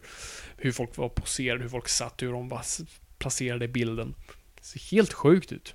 Och Ja, det- är otroligt det är sånt, fint. alltså nu är väldigt mycket så här, bra foton när vi ser på det är så här, en solnedgång och så här, kontrasten till det och vi ser färg som när man kollar på Blade Runner som är jättebra fotad nu, Blade Runner 249. Men det är ju liksom färger och hur de använder skuggor och allt sånt där. Kubrick använder väldigt sällan skuggor i sina senare filmer. Hans filmer är väldigt matta. Så det har inte med det att göra, men det har med kompositionen att göra. Hur du väljer att placera folk i bild och hur kameran rör sig. Alltså det, det är så många aspekter där som, som, som gör det så mästerligt. Så när du kollar på Kubrick, studera Barry Lyndon på hur jävla sjukt bra den ser ut att vara. Den är fantastisk. På alla sätt och vis. Mm. Den är snygg, ball. Alltså, du, Den är, du, den är tre timmar lång, ja, men är, det känns den är, inte. Den är för lång. Den är så ungefär som den här podden. Men eh, alltså, den, ja nej fy fan ska den vara cool den här. Och där har du också så här. Du, du sympatiserar ju på något sätt med huvudkaraktären fast det är ett asshole. Mm. Fast är det ett asshole? Vi vet inte riktigt. Är han bara liksom... Jag tycker han är ett asshole. Jo, men, men- det är ett fascinerande asshole. Jo men det är fascinerande, för han är det fram tills... Egentligen han är ju typ inte det riktigt fram tills halva filmen. Det, det vänder ju när han sitter och blåser typ på sin fru där. Mm. Det är första gången man var såhär, vad gör du? Mm. Alltså det var såhär, alltså han sitter och röker och hon Ja. säger såhär, sluta rök och då typ blåser han på henne. Men Man bara pussar såhär, den efteråt. Ja, men såhär, vad, vad fan gör du? Idiot! Var Ja. kom det där ifrån liksom? Precis. För att du har ju inte sett den riktigt hända till honom, men sen efter det så vänder det bara, för då har han ju nått sin status liksom. Då tror han Exakt. att han är king of the world. Mm. Vilket han inte är så länge till. Men det, det är, aj fy ja. Jag tycker för mig är det typ en actionfilm, vilket det inte är. Men alltså, det är som sagt, den är tre timmar, tre timmar lång, men jag tycker den bara rullar på som satan. Mm. Den, den förändras hela tiden, den öppnar upp sig och den, den, den, liksom, den skiftar i form av, både, inte så mycket ton, men, liksom i tempo och, och i händelse. Jag tycker det är otroligt fascinerande. Och den kan jag säga, den är ju, alltså den är ju MTV-klippt fast scenerna är pisslånga. Alltså det vill säga att du har jättelånga scener Mm. på liksom, men sen så byter de location i nästa, nästa sten direkt. Ja, precis. Det är ju inte så att de... Använder sällan samma sceneri Nej, två men det, gånger. det, är det är inte så att du ligger jättelänge i ett rum, och liksom, utan scenen är Mm. lång, det vill säga den här som är det som händer, men det är inte så att det liksom händer mer och sen så går, kommer in en ny person i samma rum, utan Nej, då, bara, precis. då är vi ute på ett fält, eller då är vi i ett slott, eller då är vi ute på sjön, och då Mm. ute och fiskar med en hund i båten. Hur tänkte du där? Ja. Tänk om du skulle få upp liksom en fisk och så labrador... Det kommer jätte, det är jättedumt. Vad tycker du om att Alex DeLarge har en boaorm i en låda under sin säng? Vem är Alex DeLars? Alltså, Clockwork Orange-karaktären. Jaha, eh, nej den är inte så schysst heller. Framförallt så kommer du absolut inte hålla värmen. Nej, Det är dumt. det är dumt. Mm, det är Ja. väldigt taskigt. Ja, det, det, det kändes inte så bra när man Nej. väl såg det, men Nej. ville kolla med experten först. Ungefär som jag även såg eh, Road Trip. Rätt nyligen. Den med Tom alltså, Green. oj, Mm. jävlar. Mm. Skitfilm. Alltså shit vilken dålig film. Jo men, jag för mig att Eurotrip var så här, lite så här halvkul någonstans och det Ja. var så här, men det, här- det här var, det var för taskigt. Fy fan vad dålig den var. Riktigt dålig. Och Okej. sen, men då var det ändå så här, det var ju under den perioden när Tom Green, han blev väl så här Rising Star of the Year det året. Ja, och då, precis. vilket gjorde att han fick göra Freddy Got Finger året efter. Det är så bara så här, ja men gud. You've unleashed hell! ja, gud, jag måste se den i sin helhet, Freddy Got Freddy Got Finger. Finger. Nej, gör inte det. Okej, då gör vi inte. Nej, alltså faktiskt, det, det är liksom... Mm. Det är flippat. Och det är, flippat på ett dåligt sätt. yes. Eh, ja, nej, hur som helst. Barry Lyndon. Barry Fantastiskt. Lyndon, The Freddy Got Finger, det är bra. Det är ett bra, hopp där. Jag Ja. vet inte om någon har någonsin gjort den kopplingen. Det, Ja. You heard here first. Um, Barry Lyndon i alla fall. Släpps, totalfloppar. Ingen är intresserad av att se tre timmar lång kostymdrama. Uh, kritikerna gillar den och den vinner många Oscars. Inte Kubrick dock, men den vinner kostym och foto och massa sådana grejer. Så, alltså, och det här som var så kul med Kubrick, Kubrick, alltså han brydde sig inte så mycket om, som jag uppfattade eh, så mycket om kritiker. Det brydde han nog inte så mycket om, för kritikerna hade en konstig relation till honom. Han brydde sig om när en film gick dåligt rent finansiellt. Och det, det skadade honom ganska mycket och det gjorde honom väldigt sorgsen. Han la ju ner så mycket jobb på det. Han tyckte det var synd att folk inte såg dem eller uppskattade dem på så vis. Så att han kände att efter Berlin så nu måste jag göra någonting kommersiellt. Nu måste jag hitta någonting, så här, få upp mitt namn och försöka göra någonting som faktiskt gör pengar. Och vid det här laget av skräck börjar komma tillbaka på ett nytt sätt igen. Och framförallt här fina, alltså Exorcisten och de där filmerna eh, har poppat upp. Och han känner att så, nej men fan, jag ska ge mig på det där. Så han börjar läsa alla böcker som finns på ämnet. Kind of a returning theme here. Yes. På, eh, på då supernatural stuff. Eh, och som vi berättade då i Stephen King-podden. Eh, hans assistent kunde höra honom på andra sidan när han, hade, när han läste böckerna för att han läste en bit av dem. Var det inte intressant så kastade han den, dem i väggen. Och efter ett tag så hade det slutat kastas böcker i väggen och då gick hon och kollade. Då satt hon och läste The Shining. Ehm, och Shining var då, det var, den hade redan köpt upp av Warner Brothers och, och Stephen King hade skrivit ett manus. Men Kubrick valde inte ens att läsa det. Men han kontaktade eh, Stephen King en gång, jag berättade i Stephen King-avsnittet, men jag kan dra bara här igen. Eh, han ringer eh, King och bara direkt liksom Hi, this is Stanley Kubrick. Don't you think that ghost stories are kind of optimistic stories? Who is this? Ehm, och han säger liksom No Stanley, uh, I don't. Uh, well, I think they're kind of optimistic. Because it shows you that there is life after death. Och King säger But what about, uh, what about hell? Och det är väldigt tyst ett bra tag. Kubrick svarar I don't believe in hell. Och det var i stort sett det, det kontentan av deras diskussion var. Mm. Och sen så skrev han eget manus istället. I stort sett. Eh, och nu, jag har följt upp på det vi, vi pratade om i, i Stanley Kubrick, för jag frågade vilken bok jag ska läsa och jag fick jättebra tips. Mm. Men sen kom jag på, just det, vi ska prata Stanley Kubrick, så då är det ju klart jag ska läsa Shining. och jag läste Shining nu, så det var kul att läsa sin första Stephen King-bok och det är ju faktiskt en bok till podden. Mhm. Eh, jag tyckte jättemycket om den. Mm, kul. Den var riktigt kul. Eh, och jag förstod på ett plan vad King menar, på ett plan inte. De är mer lika vad jag hade trott. Alla komponenter är nästan där, förutom vissa utbytare. Men det jag förstår främst, och nu när jag såg filmen igen, det är ju den här, alltså, King har verkligen lagt ner, alltså, vad King, hans främsta kritik, alltså, det här var ju en personlig bok för King. Det här var ett sätt för honom att prata om sin alkoholism och att försöka vara en bra far trots att du har inre problem och demoner. Uh, och det här handlar om en far som blir galen. Som mot sin egen vilja blir spritt galen, eller besatt. Eh, och vill mörda sin familj. Men han, och, och boken gör väldigt bra case för Jack Torrance som en sympatisk karaktär. Som blir fördärvad. Det gör ju inte filmen. Nej, nej, men Alltså nu när jag kollar på den, han är spritt galen från första bilden. Han sitter och kör i bilen där med sin familj. Han har ju det där Joker-grinnet på Mm. liksom. Han sitter där och typ dreglar nästan i första scenen. Mm. Han säger ju du vet ju att den här snubben kommer mörda. Ja, gud man inser när man ser filmen nu hur snabbt det går. Man, jag tänkte att filmen var rätt seg. Så Nej, ja, det tar väl ett tag innan han blir rätt- Han galen. vänder jättefort. Sådär. Mm. Det går på en liten sväng bara så är vi. Mm. Runt korridoren på eh, cykeln så är vi, är vi där. Mm. Ehm, så att bara för att prata om boken bara, jag tyckte jättemycket om den. Det, det, det, alltså det, det är verkligen en karaktärs... Alltså beskrivning, alltså den är nästan 700 sidor lång. Jag skulle säga att 500 av dem är, ba, är knappt någon skräck alls. Jaha. Det är liksom, du har kvinnan i badkaret och du har en läskig brandsläckare. Förlåt, vadå? Äh, en brandsläckare som ligger åt fel håll en gång. Ja, Det är läskigt. creepy. Jättecreepy. Uh, men sen är det typ inte så mycket grejer. Och sen, men det är lite i tre, sen när spökena väl börjar liksom, för att det blir som att det ballar ur mer och mer och mer och sen exploderar bokstavligt talat mot slutet av det. Eh, och en kul grej är att The Shining makes sense i boken och inte så mycket i filmen. För det kommer när man såg filmen första gången. Mm. Så här, alltså jag det här som kan, men den här Shining-biten av att pojken ska vara cynisk, vad fan har det med skiten att göra? Det hade du kunnat plocka bort. Mm. Eh, Medan boken är en jättestor big deal, för det är liksom hela plotten är byggd runt. Alltså det är att huset vill ha Danny. Och hans krafter, hans krafter fungerar nästan som, en, som ett batteri för alla de här liksom eh, andarna, om man kan kalla det så. Så att de vill på något sätt absorbera honom och därför då fördärvar Jack. Mm. Så det är det hela tiden, och det framgår ju inte i Nej, jag är inte med alls på den delen. Alltså. Nej, precis, i, i filmen. Men ja, så att gilla boken, kan rekommendera den. Jag tyckte inte det var så illa. Eh, men jag förstår King på ett personligt plan. Men vad tycker vi om Shining? Jag tycker den är jättebra. Det är, alltså, nu är det så här. alla Stanley Kubrick är en fyra. Är fyror. ja, men jag tror att det är Mm. det. Alla Stanley Kubrick är fyror.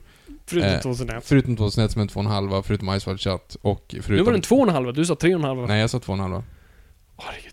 Eh, Nej, och sen, och inte Ice Shut är inte en fyra heller. Och Berlin är inte en fyra för en femma. Alltså det- annars är det liksom, de ligger på samma nivå för mig alla andra Mm. liksom. För att alla är, väldigt bra filmer. Yes. Eh, och Shining har ju liksom...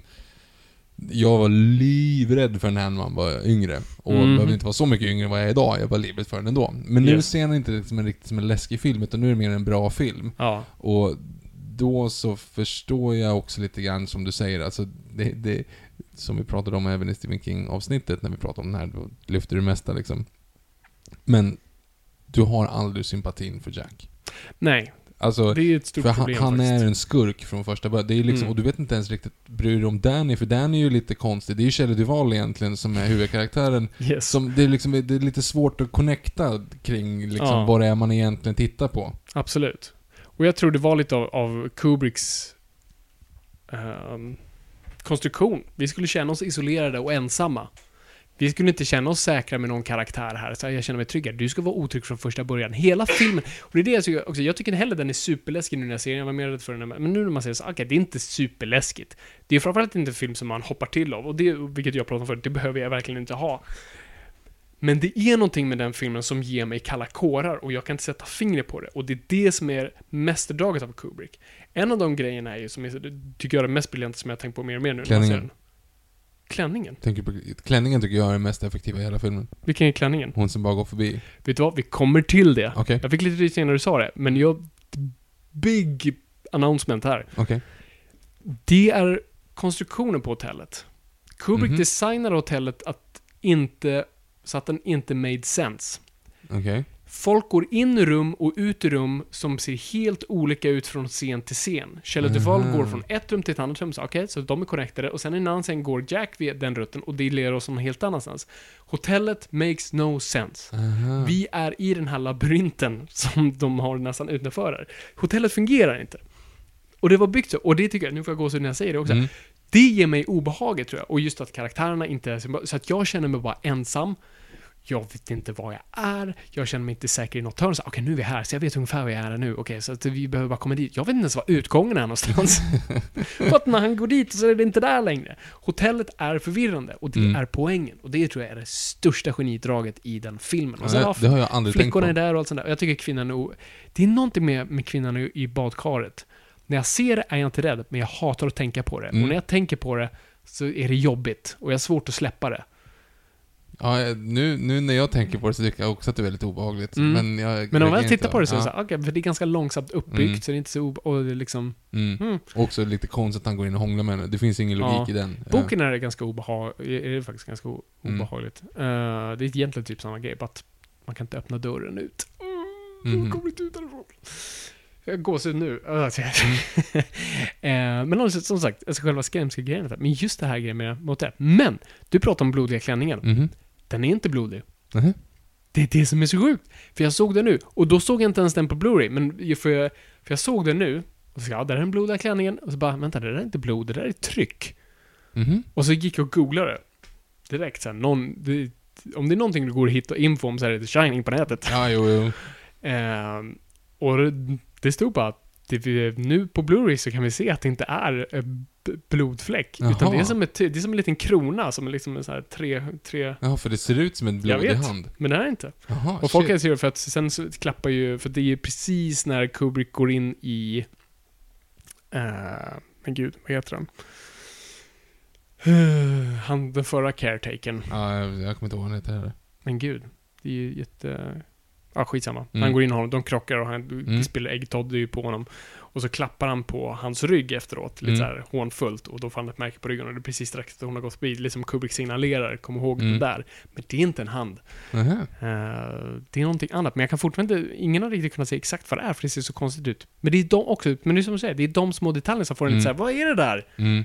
Jag vet inte vad det är. och det är de grejerna som gör det obehagligt. Mm. Eh, och sen tror jag det som också gör den obehaglig är, är konspirationsteorierna. Alltså är Ja, allting ja, som folk läser in i den, vilket gör den faktiskt obehagligare, för det är saker som gömmer sig där, som du inte ser, som inte är bekräftade, som du inte vet vad det är. Lite som spöken. Ja, ja, precis. Så jag tänker, ska vi gå igenom lite av konspirationsteorierna? Ja, för de som jag, inte vet om det. ja, vi kan ta en snabb version, för jag kommer inte ihåg är alltihop. de, för jag, jag gick down the rabbit hole. Jag, vi har ju sett dokumentären Room eh, 237, vilket jag också ska skriva.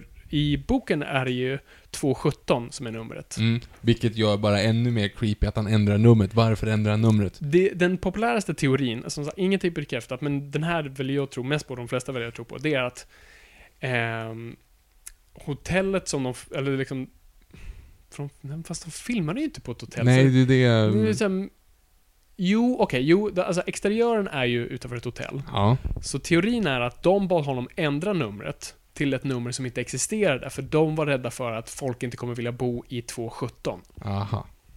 Så att 237 finns inte. Så därför kunde man liksom, det är som Mm. att säga rad 47 på ett flygplan istället för 13. Nu finns ju inte 13, men alltså Mm. det finns inte rad 47 så du behöver inte vara rädd för det. Mm. Eh, och det är lite samma sak där. Varför finns det inte rad 47? Det- Men jag, jag, det, nej, jag, det var ett dåligt exempel, för 13 kommer alltid finnas. Eh, fast det finns inte. Skitsamma, dåligt, dåligt exempel. Okej, ja. Eh, men där har ju konspirationsteorierna sagt att 237 är också 200 000, 237 100 000 kilometer till månen. Eftersom Stanley. Kubrick fejkade månen. Okej, så f- den populära, eller den, den dummaste teorin är ju månlandningen. Mm. Det är ju att den här filmen handlar om hur Kubrick erkänner att han iscensatte månlandningen Mm. med front projection. Och så du har, så du har ju massa grejer. Du har, du har 237, du har att Danny har på sig en NASA Apollo, eh, eller Apollo Apollo-tröja. 13-tröja som han reser sig upp så den går uppåt. Alltså Mm. det, och en boll rullar sig mot honom, alltså månen. Alltså, du- och alltså, du kan hålla på i timmar med det där. Det Mm. finns så många cues till det. Så den är lite konstig. En annan rolig jag hörde var att hela filmen är en metafor för eh, The Federal Reserve i USA. Okej. Alltså statsbanken, guldreserven, guldreserven. För att det, om man kollar på The Ballroom så är det täckt i guld. Och det är då 1921, samma år som The Federal Reserve inleddes. Och han går in dit med, som man säger, sin plånbok och ger pengarna till då bartendern, Mhm. Lloyd, och Lloyd säger “Your money is no good here”. För att moderna pengar, för att förut papperspengar var ju en representativ Mot guldet. mot guldet, Mm. vilket inte är längre på grund av inflation. Mhm. Så att hans pengar fungerar inte 1921. Okej. Och det finns massa Och tydligen den här, det finns ju en scrapbook han har bredvid sig eh, på sitt skrivbord. Mm. Eh, det sägs ingenting om den, eller varför den är där. I boken så finns en scrapbook i källaren som handlar om hotellets hemska historia. Som han hittar, han blir besatt av hotellet och han vill skriva en bok om hotellet. Mm. Och det var den förra caretakern som verkar ha satt ihop den här boken också. Han blev ju galen och sånt där. Så att många tror ju att, ah, ja, men de filmade scenen med den här scrapbooken och den hade en plott i film som de sen klippte bort.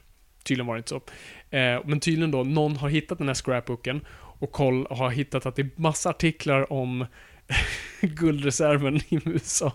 Okej. Och om de här presidenterna som varit del av det och tydligen i fotot på slutet där Jack Nicholson är i, ser det ut som det är massa presidenter fast de liknar inte alls det. Um, Okej, så den är dum. En annan grej som, som inte är en konspiration, men det är, det är alltså att filmen handlar om pedofili. Mhm. Att Jack har förgripit sig på Danny.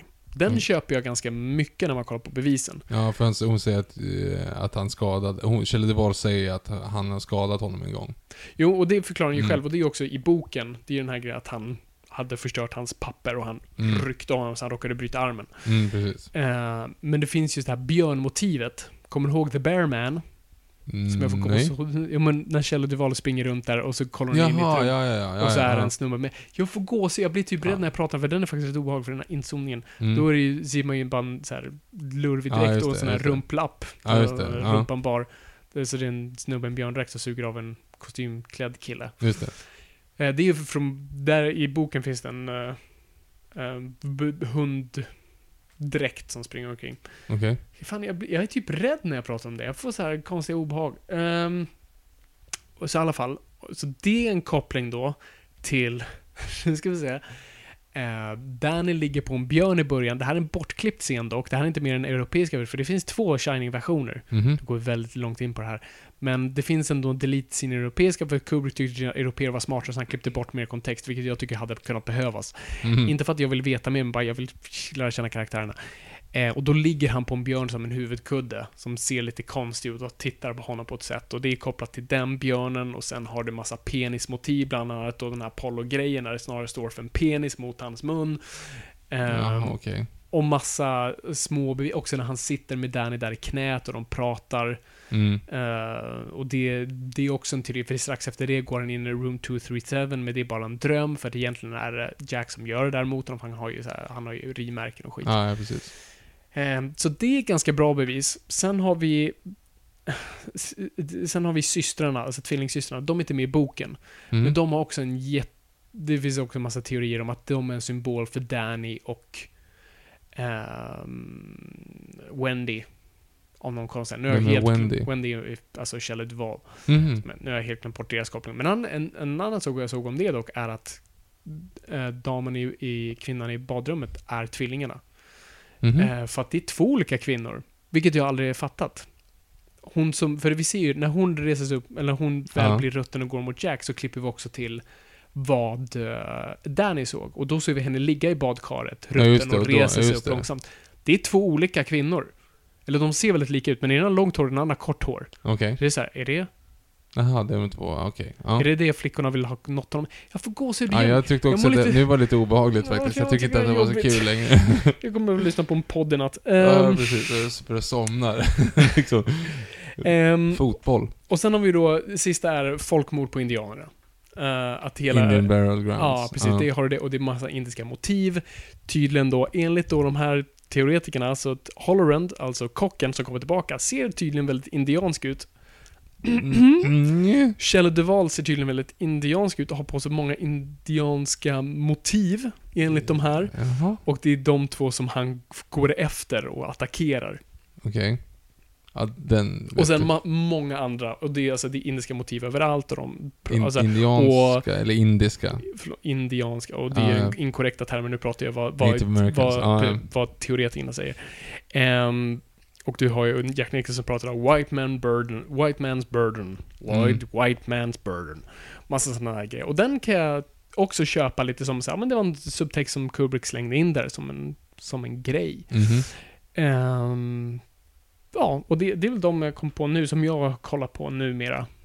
Ja, nej den är... ehm, Ja, den, det- är, den är det- jävligt obehaglig. Ja, det är och det är bara ju det de här är grejerna som är ja. obehagliga, för jag blir ju rädd nu när jag pratar om det. Det finns Mm. mycket grejer, för att ingenting finns det svar på, vi kommer aldrig få svar på det, och det är det som gör den filmen så stark. En annan detalj här som bara är viktigt att ta upp, det är ju liksom, det är ju Shelley Duvall-Kubrick-relationen. Ja, den är lite intressant. Kubrick var, var ju känd som den här liksom, han beskrevs som en av sina, av en av sina assistenter som en judisk mamma. Eh, han Okej. var väldigt gullig och snäll mot folk och han, alltså, alltså, hans assistenter stannade med, med honom i decennier av en anledning. Folk älskade honom. Eh, och när de blev sjuka såg han verkligen till att ta hand om dem. Men samtidigt, han begärde mycket av folk. Tydligen, den, den främsta kommentaren mellan assistenterna, mellan varandra var But what do I tell Stanley? när de inte kunde lösa problem. Eh, men alla älskade honom, alla skådespelare har inget annat än gott att säga om honom, förutom Shelley Duvall. Mm. Jag kan rekommendera alla att se extra-materialet på Shining, som eh, spelades in av Vivian Kubrick, som, som då är Stanley Kubricks dotter. Hon bara gick runt med en videokamera och filmade. Så det är ingen, så här, det är ingen förskönad dokumentär där folk vet att det är kamerateam där och folk visar sitt bästa jag. Alltså Jack Nicholson är galen på riktigt. Och drar bara massa snuskskämt. Eh, Och stöter på alla, på dottern om någon creepy anledning och sådär. Men så har du Shelley Duvall och Kubrick, som inte kommer överens för fem öre. Kubrick är elak som fan mot henne. Och säger ut konstiga saker och verkligen Alltså hon får så panikattacker. Hon visade för honom en gång så här, jag börjat tappa hår Stanley. och hans svar till henne, visa, ja, visa ingen sympati, sympati för Shelley allihopa. Det här är bara, nej, ge henne inte det, visa Men, inte sympati. men alltså det måste ju ha det att göra med att han försöker få fram det bästa, Ja, annars är han ju bara det är det jag ond. tror. Det är det jag näm- nämligen tror. Jag tror han verkligen, han behövde att hon skulle bli desperat. Alltså precis som han sätter in oss i den här situationen som publik. Han behövde att Kjelle var helt, kände sig ensam, isolerad, hopplös. Och det, det kommer ju fram i hennes prestation. Det, Mm. hon, det här är en person som är helt tömd för att han tog ju också omtagningar. Det, den här filmen har rekorder på flest tagningar. Det är, Trappan. Det är trappan, precis. Mm. Jag tror över 150 gånger tog de om det. Hon är helt slut. Mm. hon kan knappt ens gå. Hon släpar på Danny vissa sig. Hon var ju helt slut på det. Så hon har ju sagt att det var en hemsk upplevelse. Hon skulle aldrig byta det för någonting annat, men det var horribelt. Som lumpen, som folk beskriver, som har gjort den. Ungefär så. Så det, det var en viktig detalj. Som vårt konfaläge. Som vårt konfaläger. Oh, yes. Okej, så det är Shining. Vi älskar Shining. Ja. Vi kommer göra ett avsnitt om Shining, troligtvis. Okej. Jag säger det här och nu. ja, eh, sen efter det här så... ehm, det går jättebra för Shining, nummer ett. Så det, det går inte hem hos kritiker. Vet du vad? Det här visste inte jag förrän jag kollade upp det. Den fick ingen Oscars-nominering, men den fick två Razzie-nomineringar. Va? Mhm. Kjell Duvall eller? Tro, nu måste jag tänka, var det Shelley Duvall? För det har just med det för han fick säm, han, det var sämsta regissör och jag tror sämsta skådespelare, jag tror det var Duvall, ja, inte hundra. Men det var Mhm. någon koppling med hela den här grejen. Det, så här, det måste varit, det här måste ha kommit ut om hans, alltså, Ja, precis så jag tror det var Shelley Duvall och Stanley Kubrick som blev nominerade. Mm. Jaha, Så det var konstigt. jättekonstigt. Men ja. Så att det blir en jättestor succé. Han är liksom lite på hemma igen. Så nu är det nästa projekt. Han börjar snöa in sig på Vietnamkriget, som många andra vid det här laget. Eh, och det var ju lite det som var problemet med det. Han tog så lång tid på sig. Så han hittade en bok som heter The Good Timers, tror jag. Eller The Old Timers. Uh, nej, The Short Timers är det. Um, och han vill gestalta Vietnamkriget på, på ett realistiskt plan utan att ta ställning i det, bara visa det ärligt. Eh, problemet är att det tar så lång tid att göra den, som alla andra. Så vid det här alltså du har ju... Alltså... Um, Apocalypse Now, Mhm. Platoon, alltså Mhm. du har massa filmer som kommer. Så We att- were soldiers. We- Mm, den kommer sen. Ja. eh, så det är ju massa filmer som redan har gjort det, så hans film kommer lite så här fel in på, in på den. Och det, ro- det jag tycker är roligast med Full Metal Jacket, Stanley Kubrick gillar inte att resa. Han tänker inte åka till Vietnam. Allt är inspelat i England. Är även de scenerna? Allt. Fy fan. Inget är inspelat i Vietnam. Det kanske är någon sån här, han skickade säkert en second unit-film eller någonting, men Mm. alltså du, vi snackar 99%. Shit, det hade jag ingen aning om. Och nu när man ser det så bara, ja det ser rätt kallt ut det där. Det är väldigt grått. det kostade 1000 dollar styck av att importera in palmer. Och han fyllde typ Han hela... fyllde i allt med palmer. Och det är så kul att se just där. Ja, han lyckades även få det till, till Eng- England, till Vietnam. Bra de jobbat. måste ju dött direkt också. Man planterar dem och så dör de efter Ja, en ja vecka absolut. liksom. Ja, men det här var ju... Gud ja. Det var inget användbart alls. Ehm, det här är min minst favorit av Kubricks filmer. Mm, ja, ja, ja. Jag såg om det nu. Jag, jag, jag kan inte connecta på något plan med det. Jag Karaktärer här, som det var, det oftast var är... länge sedan, visst länge sedan jag såg den, men Mm. jag minns den som, som eh, bra. Det borde kanske ha kollat om Men du tänker på avsnittet. den första delen? Jag tänker bara första Mm. delen, för jag kommer knappt ihåg Och andra den är ju delen. bäst. Ja, precis. Hela bootcamp-grejen. Ja. Han var en riktig drill sergeant, han de använder Mm. och eh, Vincent D'Onofrio är helt fantastisk Ja, är som, som Gomer Pyle. Eh, och liksom, det där sitter det. Alltså hur, hur det här kriget skapade monster innan de ens var med, gick in i kriget. Mm. Alltså, det här var, de förlorade sin mänsklighet innan de ens satte sina fötter på marken i Vietnam.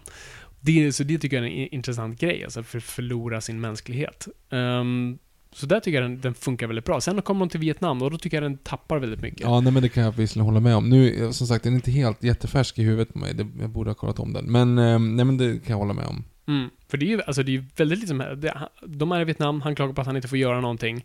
Han åker sen iväg.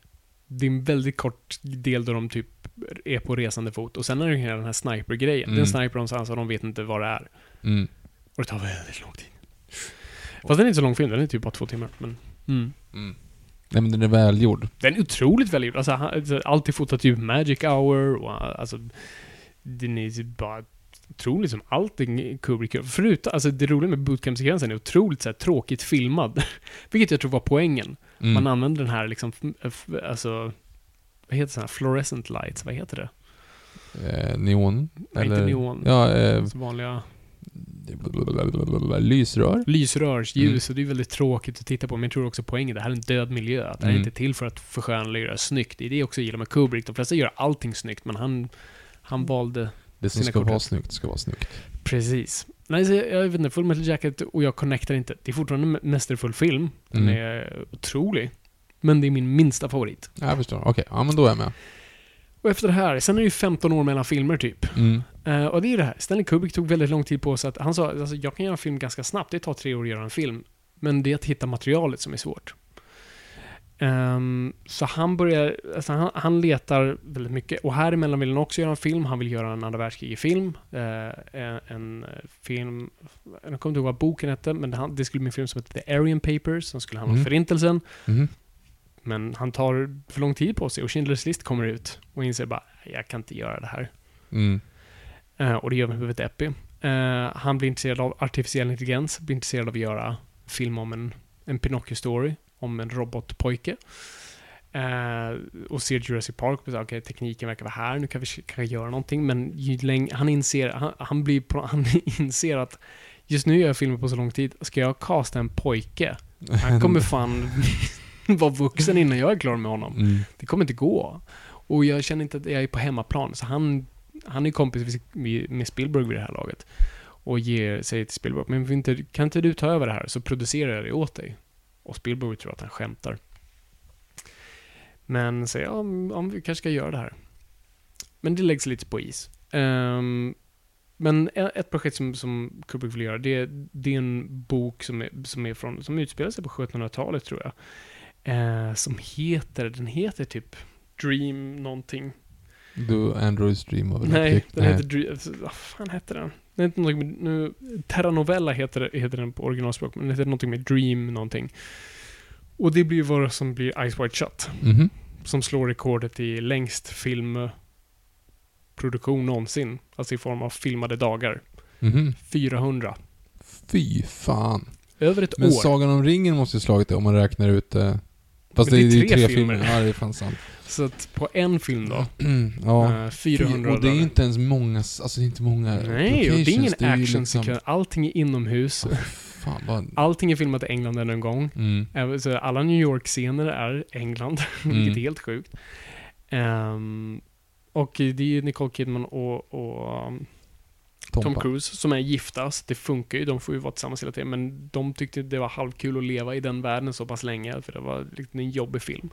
Men älskade upplevelsen att jobba med Kubrick och det var tydligen en väldigt trevlig grej och Kubrick var, blev verkligen nöjd med den. Men det här var på, alltså varför Kubrick tog så många tagningar var inte så mycket av att så här, han var perfektionist i form av så här, nu måste jag, det är inte David Fincher-grejen, den här flaskan måste trilla rätt. Utan han visste inte vad han skulle göra. När han klev in på sin inspelningsplats så visste inte han var han skulle ställa kameran. Han storyboardade inte. Eh, Han, han var väldigt osäker. Han beskrev så här, vad är det... Han, när han fick eh, ett pris så sa han i sitt tal, jag får oftast frågan vad är det jobbigaste med att regissera? Och Steven Spielberg sammanfattade det väldigt bra med att det svåraste med att regissera är att kliva, kliva ut ur bilen på morgonen. Okej. För att han var väldigt osäker. Han visste Mm. faktiskt inte vad han skulle göra. Och så det blev hans regiteknik att hitta det med sina skådespelare, med sitt crew, att vi testar och ser vad som händer. Men sen också att komma till ett visst stadie, att på något sätt ta bort replikerna, att folk hittar det. Alltså, det bästa exemplet är när den långa dialogscenen mellan Tom Cruise och Nicole Kidman. Mhm. Jag tror den säkert tog två månader att filma eller någonting. Mm. Och man ser det på dem, för de är helt slut. Lite Dolga. De är helt på, alltså de ska ju spela höga och man ser det för att de har inget, alltså man märker att de inte har något kvar i kroppen. Mm. De har matat de här replikerna så många gånger så att de kan inte ens liksom förstå innebörden av den. Och därför är den scenen lite konstig. Och det är därför den filmen fungerar så pass väl, för den är som en dröm. Mm. Du måste se på det som en drömfilm för att precis som så New York-gatorna. Det ska vara New York, men det är inte New York. Det är precis som när du drömmer. Du var du, men du var inte du. Mm. Jag var där, men det var inte där. Mm. Och så var det. Liksom, det är New York, fast det är inte New York. Det här är situationen, men här är inte riktigt situationen. Jag, jag såg dig, du, för det är det, så här, när du, för den är uppdelad i två delar. Du, du bygger upp mot sexpartyt och sen ek- efter sexpartyt inte saker som det en gång var. Allting Nej. är förändrat. Mhm. Folks relationer, han kom tillbaka till eh, utklädnadsshoppen. Helt plötsligt, det var ju några businessmän med den här dottern. Mm. Men nu, har det, nu är det okej och Mm. Alltså allting har bara helt plötsligt förändrats på, till en helt ny spin. Så att man ska se den filmen som, en- för som, som vi sa, den här boken hette någonting med Dreamers och den har absolut med drömmar att göra. Hur, jag tycker det är den absoluta representationen av hur drömmar fungerar. Utan att faktiskt ens prata om drömmar. Men det är så man tror man måste se filmen. Jag gillar Ice Wide Shut. Jag gillar också den, men jag har inte Det tänkt den på den här nivån alls. Alltså... Nej, men det behöver man inte. Nej. Det är en bra film om relationer om inte annat. Eller intressant film om relationer. Ja, det är ingenting som man ska eftersträva kanske, men Nej, den är kanske intressant. Gå på ett sexparty och så Så löser sig allting. Ja, Precis. Nej, jag tycker, det är, den här tycker många, den här tror jag den folk tycker minst om Kubricks filmer. Eh, och folk kallar för gubbsjuk och det kanske den är. Men eh, jag tycker den fungerar. Jag dras in i den. Alltså det är som en dröm. Jag bara slukas upp i den och följer med på den där resan och undrar vart, vad fan jag är någonstans. Och jag ska ta mig härifrån. Jag måste se om den här känner jag också. Nu Mhm. var det något år sedan och då så var jag kanske inte riktigt med i matchen på det sättet. Nej. Ja, Jag ser jättegärna om. Vi ska se så många om, om så många filmer på din projektor. jag vet. Men det kanske inte riktigt så här. du och jag, snacks, läsk, Ice Wide Shut. Det, nja, det... Funkar för mig. Jo, jag vet, men det, det kanske inte är det man ska inviga liksom Ja. projekten med. Kanske inte. Men ja, nej men och, och, och känt nog. Stanley Kubrick klipper klart filmen. Alltså han, produktionen började 96, filmen är klar 99. Mm. Ehm, han ju, visar sin final cut för Warner Brothers eh, cheferna. De, de verkar nöjda. Han är jättenöjd. Han går hem och lägger sig och vaknar aldrig upp igen. Han dör eh, år 99. Hinner aldrig se att filmen släpps då. Mm. Eh, men dog bara 70 år gammal. Han såg riktigt gammal ut. Och jag tror att han var sån här, han sov dåligt, han jobbade dygnet runt varje dag. Han var besatt av sitt arbete. Och jag tror att att suttit på det här projektet så pass länge var liksom bara förändrade honom, alltså rent kroppsligt, rent fysiskt. Mm. Ja, nej, det... Så det, Det var var för slutet tidigt. det. Det var på tok för tidigt. Han har varit 90 idag tror jag. Mm. Så att, ja, hade funkat. Mm. Hade kunnat bli någonting. då. Det här blir ett långt avsnitt va? Det blev det. Men sen ska inte, och då kan du säga det, Steven Spielberg plockade ju upp det där projektet han Han pratade plockade om. upp, det blev AI, en film som många har svårt för. Jag skulle rekommendera att folk ser den igen. Jag har svårt för den. Eh, och folk säger men slutet är så jävla Spielberg, det hade aldrig Kubrick gjort. Men Spielberg har sagt, alltså mitt, mm, mitt manus är byggt på hans outline. Det var slutet Mm. som han hade tänkt. Och absolut, så den har lite av det Spielberg-krispiga, men jag tycker, jag tycker den, alltså den har åldrats riktigt bra. Den ska du också se om. Eh, jag tycker den fungerar otroligt väl. Och ja, vi, vi, vi kommer nog komma tillbaka till den filmen. Eh, vi kommer säkert prata Spielberg någon gång. Men så är det. Så är det. Det blev en snabb uh, avrundning här, men ni Den- har fått ett långt avsnitt. Ja, eh, vi har ju nu alltså gjort ett avsnitt som är lika långt som eh, Barry Lyndon. Åh herregud. Ja, Okej, men det känns ändå som filmen som förtjänar det. ja men precis. Eller ämnet som förtjänar den här längden. Ja, precis. Jag är alldeles slut. Ja, men det är lite... Eh, för ni som är kvar, vilket inte är någon, uh, ska vi bara säga att eh, nästa vecka börjar vi med Noirvember. Woo! Eh, det kommer bli en hel månad med en liten avstickare. Vi ska snacka Justice League såklart. Det måste man kanske Det göra. måste vi göra. Men annars blir det full film noir. Eh, ni har frågat om det, så vi tänkte, det här var faktiskt en idé från Sara Bergmark Elfgren. eh, för att vi pratade om att hon skulle komma tillbaka. Och hon sa, men du vet att det finns något som heter Noirvember va? Jag bara, nej. Så det var hennes idé. Så Sara kommer tillbaka och vi ska prata ett avsnitt med henne, då vi bara listar våra favoriter. Och så kommer vi, ja, det kommer bli massa Jag har avsnitt. så mycket att catch up här alltså. Jag hoppas du vet vad det här är nu. Till skillnad från förra gången vi hade med Sara, du inte ens visste ämnet vi pratade om. Nej, men, men det är det. Men det är det. Alltså egentligen, hypotetiskt kan man ju säga då att alla, alla Kubricks filmer fram tills Spartacus och sen, ja just det, nej men... Eh, Strangelove är ju också då noir visserligen. Men sen efter det så... Strangelove är inte en noir. Va? Nej men alla filmer fram, alltså innan typ 60-talet är ju... Du tänker att alla svartvita är film noir. Nej, Mm. så är det inte. Jaha, nej jag skojar. Det är... Det nej. hade varit kul om jag hade missat det. Eh, Det hade inte varit helt otänkbart i och med att noir, svartvit, alltså... Yes. det, ja, vi släpper det. Det är Det sent. får ni lära er då. Det är på tok för sent. Huh. Jag hoppas ni fick allt, med ni, allt ni ville ha. Hör av er om jag missade någonting. Det är så mycket detaljer. Och vi kommer komma tillbaka till Kubrick. Det kommer vi definitivt göra. Och sen så vet ni att vi finns på hashtag NOJPOD på Twitter och Instagram. Vi finns på @faunderlander och @engbergviktor eller Viktor Engberg, jag kommer inte riktigt ihåg. Yes. Eh, Det är olika beroende på om det är Twitter eller Instagram, men ni hittas under hashtag NOJPOD. Hör av er till oss. Yes. Så är det. Så är det. Ja, men vi bommar igen det här va? Det gör vi. Ja, tack så jättemycket för att ni har lyssnat. Det är kul att vara snö. Kul att vara snö. Jag kan inte ens prata längre. Men kom ihåg gott folk, ingenting är för...